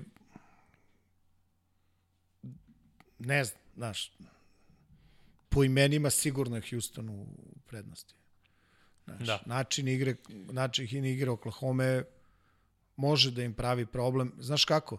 Recimo neke utakmice koje sam gledao, ovaj startni centar Oklahoma Adams, ili tako? Mm Mhm, Steven, da. E, igralo se dosta kroz njega. Jeste. Igralo se dosta kroz njega. kroz njega i kroz pick and roll sa njim Jest. i on je I- dosta nadogradio svoju igru i short roll i pasovi Tako i je. čitanje. I, ovaj, I to može da bude problem za Houston. Znaš, i onda će tuđi u scramble, ono što će biti problem posle scramble je trčanje nazad. Ali mm -hmm. dobro, znaš, tu je Houston dobar. Ok, to je ono. I E, za kraj, Samo da kažem, Houston ne, sad sa ovom niskom petorkom i sa, sa Uncle Jeffom čuvenim u, u petorci i sa još nekim igračima, kako očekuješ, e, kako očekuješ Krisa Pola na svim tim preuzimanjima? Kakva, kak, kak, kako očekuješ da će se snaći u toj celoj priči i da li očekuješ njegov veliki doprinos ono, u onom njegovom MF fazonu, da, ne, kad već nemamo BIP? da, ovaj, pa vidi, on, on je ono što se kaže playmaker. Mhm. Znaš, i mislim da on negde u sebi ima i dalje ono da ako bude bilo potrebno može i da eksplodira što se tiče skorarske neke ovaj, uloge. Ali on će, znaš, na- on će praviti prednosti. On će praviti prednosti u, u tim nekim preuzimanja protiv velikih. Sad je samo pitanje da Antoni da li će da živi sa time da ga brani jedan na jedan ili će ne ulaziti u neke pomoći i otvarati ovaj, tu nekakvu ovaj, širinu. Znaš. I to je to je to da li, da li će možda da se odmaknu da ga znaš, da mu da mu ostaje prostor za šut za tri, da ga odvoje od ekipe, to je ono što mm -hmm. smo pričali. Znaš, ok, preuzmeš i pusti neko on igra jedan. E, da li može da nosi skroz? To, zato te pitam, negde to, to je ve- veoma bitna stvar njegova koliko će da uključi, uspeti da uključi ostatak ekipe, s obzirom da Oklahoma nije ono što je ranije bila. Pa vidi, nemam, Ovaj- nemam nikakvu dilemu da i Donovan zna ovo što Naravno, ti. pa, naravno, da. apsolutno. Uh, šta si rekao, za kraj, Pa ovo, ova tvoja omiljena serija? pa ovo što gledamo, najozbiljnije, pa kažeš šta, normalno ću gledam to. Pa naravno. Mislim da, da mi je draža ta nego, ne znam, ovaj, Toronto, Brooklyn. Apsolutno. Ali, ovaj, bila je neka priča, znaš, za vreme ovih Orlanda i te, te, te cele ovih osam utakmica, kako Juta, ne znam, nešto kombinuje. Kako bi bežalo od nekih timova ovih timova. Ja ne znam šta, ti, šta bi ti rekao, znaš, 3 3-5, s druge strane, znaš, nije ni Denver isto, 3-5, odmarali su Jokić i tako dalje. Da, često, često su igrali ono celo drugo polovreme Pa, ili celo da. posljednju četvrtinu igrali sa, sa I generalno postavom. tih osam utakmica ispadne kao neka priprema za play-off. I to je u redu, to je normalno. Sve je to okej. Okay. E sad, šta imaš? Znači, pre svega, ovaj, to je, to je sudar dva različita stila košarke. Znaš, ovo je, Denver je, ima Jokića, koji je za ono što pruža, mislim da je, da je ne znam ko može da kaže da nije u top 3 petice u NBA, a verovatno i najbolje. Kompletan je, igra odgovorno, sazdrave, vodi taj tim i tako dalje. Šta je njihov generalni problem? Ja ne vidim da Harris i, I Barton, Barton. mogu da se vrati. I ako Da. se niko nisu igrali, i nisu igrali pet meseci. Da. I sad, da li je bolje da se vraća ili da se ne vraća? Plus Michael Porter Jr. konačno zdrav, igra odlično sad, E ne, sad. neiskustvo. Međutim, ono I što on on, je, on je taj takozvani, znaš kad smo pričali o Lakersima, Kuzma je treći, Da. on je sad taj treći. taj treći, da. I on je, on kao igrač, naš, on, on, ovaj, on može da, mislim, kako bih ti rekao, on je instant problem za protivnika. Zbog svojih eh, fizičkih ovaj, talenata i tako dalje. Igra sjajno bez lopte, Vrlo dobro. Sjajno I traže, znaš, dodaju. Tako je. Tako, oni, taj njihov napad, taj open, otvoreni raspored gde, gde dosta ovaj, vremena Jokić provodi gore na, na top poziciji na kecu i plamni ili na elbow. I često i plamni one pasove na, Pa, sa, da, ali, topa na, ali na utrčavanja. nema, da, da, ali Plamli generalno nije pretnja šutem Da, kao što da, je da, Jokić, da, da. znaš, ne može da napravi taj vakum u odbrani da da povuče ovaj odbranu ovaj bliže sebi, ali ono ono što je ono što je ovaj bitno je taj taj matchup Gober Jokić. Mhm. I tu nema puno filozofije kako će Jokić napadati Gobera. Ja se nadam što više na low post. Ja se nadam što više na low post. Jel to, jel to Goberova najveća defanzivna slabost? Jedan na jedan Pa slow nije. post, a? Pa Ili nije, pa gledaj, nije slabost. Pa Znači, mislim slabost, ako mu tražiš neku defanzivnu manu, da tako kažem. Da. Pa znaš šta je nešto kad sam čitao sad ovome, o, njih dvojica su valjda jedan protiv drugog igrali 14 puta. Gober je 8-6 za Jokića. Međutim, ove godine je 3-0 za Denver, ali je 3-0 s- plus uh, 11 je razlika kad se sabere. Mhm. I imala je ona, ona utakmica, mislim, dva produžetka, mm -hmm. u Orlando su igrali i tako dalje. Znaš, i sad, a, pričati koju prednost je ono u mom, odmah, znači ono instant prednost, mislim da nije baš naj, najpametnije. Dva mečapa su vrlo bitna. Znači Jokić, Gober, s druge strane, ovaj, Mitchell protiv ovog, a, kako se zove, stavamo jezik, Mare. Mari. Mitchell Murray, isto kao Gober Jokić, dru, drugačiji su. Znači, Mitchell je sada, on se uspostavio kao takozvani volume, ovaj šuter u, u, ovaj, u ekipi Jute. Znači, to je frajer koji može da ispali 25-30 lopti. Svi kažu, znaš, ali šutira samo 40%. Pa da, i opet izađe na, na 30 pojena. Sa penalima, sa nekom trojkom, znaš, napravi prosto, natera odbranu da, da, da reaguje, on tu ovaj, drži ove ljude uključeni. Onda, vrlo važan igrač, tu je ovaj, Ingles. Znaš, vrlo važan Ingles. I generalno tu će bude tu će biti tu će biti kako bih ti rekao velika pretnja za velika pretnja za za za Denver može da bude ovaj taj šut sa 3 poena Jute. Znaš, Juta je broj 1 Da. po A, procentu, a Denver mnogo defanzivnih problema ima u, a vidio, u oni Orlandu su broj sad. 1 za 3 poena i u Orlandu imaju najveći broj pokušaja. Da. I oni će to morati nekako tome da otpariraju. Oni će to morati tome da da imali su imali su ovaj imali su kako bih ti rekao problema. Imali su ovaj tih problema. A šta je zanimljivo recimo ovaj Snyderova odbrana koja je bolje funkcionisala pre Orlanda, Mhm. pre ovih osam utakmica nego sada, naročito kontrola reketa. A s druge strane, oni su dozvoljavali protivnicima, smanjuje im se broj poena koji daju u reketu. A prosečno su primali oko 58 poena. Su dozvoljavali u reketu. Da. Sa sve Gobera. I sad, naš, dolazi, dolazi Denver, koji generalno se vrti oko Jokića. E sad, znaš šta je problem? Problem je napad. Koliko će Maraj moći da kontroliše napad kada je Jokić na klupi. Mhm. I ako to može da ako to mogu da iskontrolišu i da tu budu dovoljno dovoljno efikasni i da drže priključak, bit će u prednosti. Uh, Ja Mike, mislim. Mike Conley je pronašao sebe. Uh -huh. Uh, fali Bogdanović mnogo. Uh, Pa fali Bogdanović. baš jest, fali. Jest. Baš fali. Ali zna, znaš kako? Utah je imala ups and downs i prethodnih sezona, da u jednom delu, uh, ajde da kažemo ove prethodne dve, tri sezone, da u jednom delu sezone izgledaju katastrofa, da u nastavku sezone izgledaju fenomenalno, ovaj, do toga da recimo protiv Houstona ne mogu ništa u, u, playoff Vidi, uh, serijama. Ali ovo sa, sa ovim tri poena je ono, velika pretnja. Da. Znaš, oni ispaljuju, ne znam, 43 trojke po, po meču u, u Orlandu. Daju 48 poena po utakmi, 16 trojke daju. Mm -hmm. po utakmici. Znači, to je ogromno. Jeste. I znaš šta je problem još? Mare ima problema u Orlandu sa, ovaj, sa zadnjom ložom. Jeste. I to... on je praktično nespreman u tom smislu. I to je, ovaj, to je potmula jedna, jedna, jedna ovako dosta podmukla, podmukla povreda ili da kažem problem. Znaš. I, I sad, kako će to izgledati, hm, nemam pojma. Nemam nikakvu dilemu, znaš, da, da, da bi, ko bih volao da pobedi, mislim, to je normalno, jel? Mm -hmm. E sad je tu, znaš, ovaj, samo je, ostaje stvarno da vidiš ono kako će Malone da napada. Da li će napadati onako što više, što se kaže, da se tovari dole preko Jokića, ili će da ga kombinuje i da ga izluči Gobera van rekete, da otvara prostor za portera i, i ovoga. Znaš, bit će zanimljive te, bit će vrlo zanimljivo da se vidi ko će biti nosilac napadački te takozvane druge grupe. Mm -hmm. Znaš. E, dobro, znači pretrasli smo manje više ove sve serije, pomenuli smo i Portland. E, moramo još Lillarda za kraj da, da, da malo da gospodin, spomenemo. Gospodin čovjek. 37,6 poena u, u, u Orlandu. A pusti to e, nego 154 poena na posljednje tri tekme. Evo, Kol, tome ti priča. Ped, znači 51, 51 uh, u proseku, 9 asistencija u proseku. 61, 51, 42 na posljednje tri utakmice, ekipa 6-2. Uh, mnogo više opcija imaju sa, sa, sa Nurkićem, šta god da probaš sad na Lillardu da radiš na pick and rollu, sad ima i Nurkića za onu opciju short roll ako ga blicuju i tako dalje i tako dalje.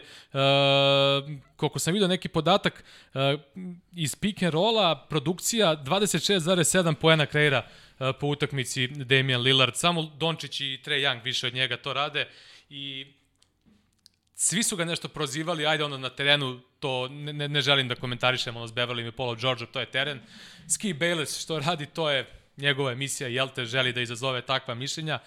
E, stalno je ta priča kao ima ono chip on shoulder, kao Dame Lillard i cel, celu karijeru se nekome dokazuje. Mm -hmm. I, i neverovatno je šta radi sada. A bila je priča kao da možda neće teti da igra, da li treba da igraju, ali na kraju evo, kakav se pojavio i šta radi. I, i uspust stigne svima da odgovori na Twitteru. Kogod ima nešto loše da kaže. ne spava čovjek, ne spava, A? ne spava. Ove, ne znam, meni je on dragi igrač. Od uvek mi je bio drag, mm -hmm. znaš. I ono malo neke, onako, imam informacije iznutra iz te organizacije, ove koje njemu pričaju i, i kao osobi, o igraču i ponašanje, ambicije, ono što kako bih ti rekao, predstavlja radne navike i tako dalje. Znaš, ono stvarno, znaš, imam veliko poštovanje stvarno za njega. Volim da, gledam, da. volim da gledam Portland. Portland volim da gledam. Isto ja. Mislim da je Stoc ozbiljan.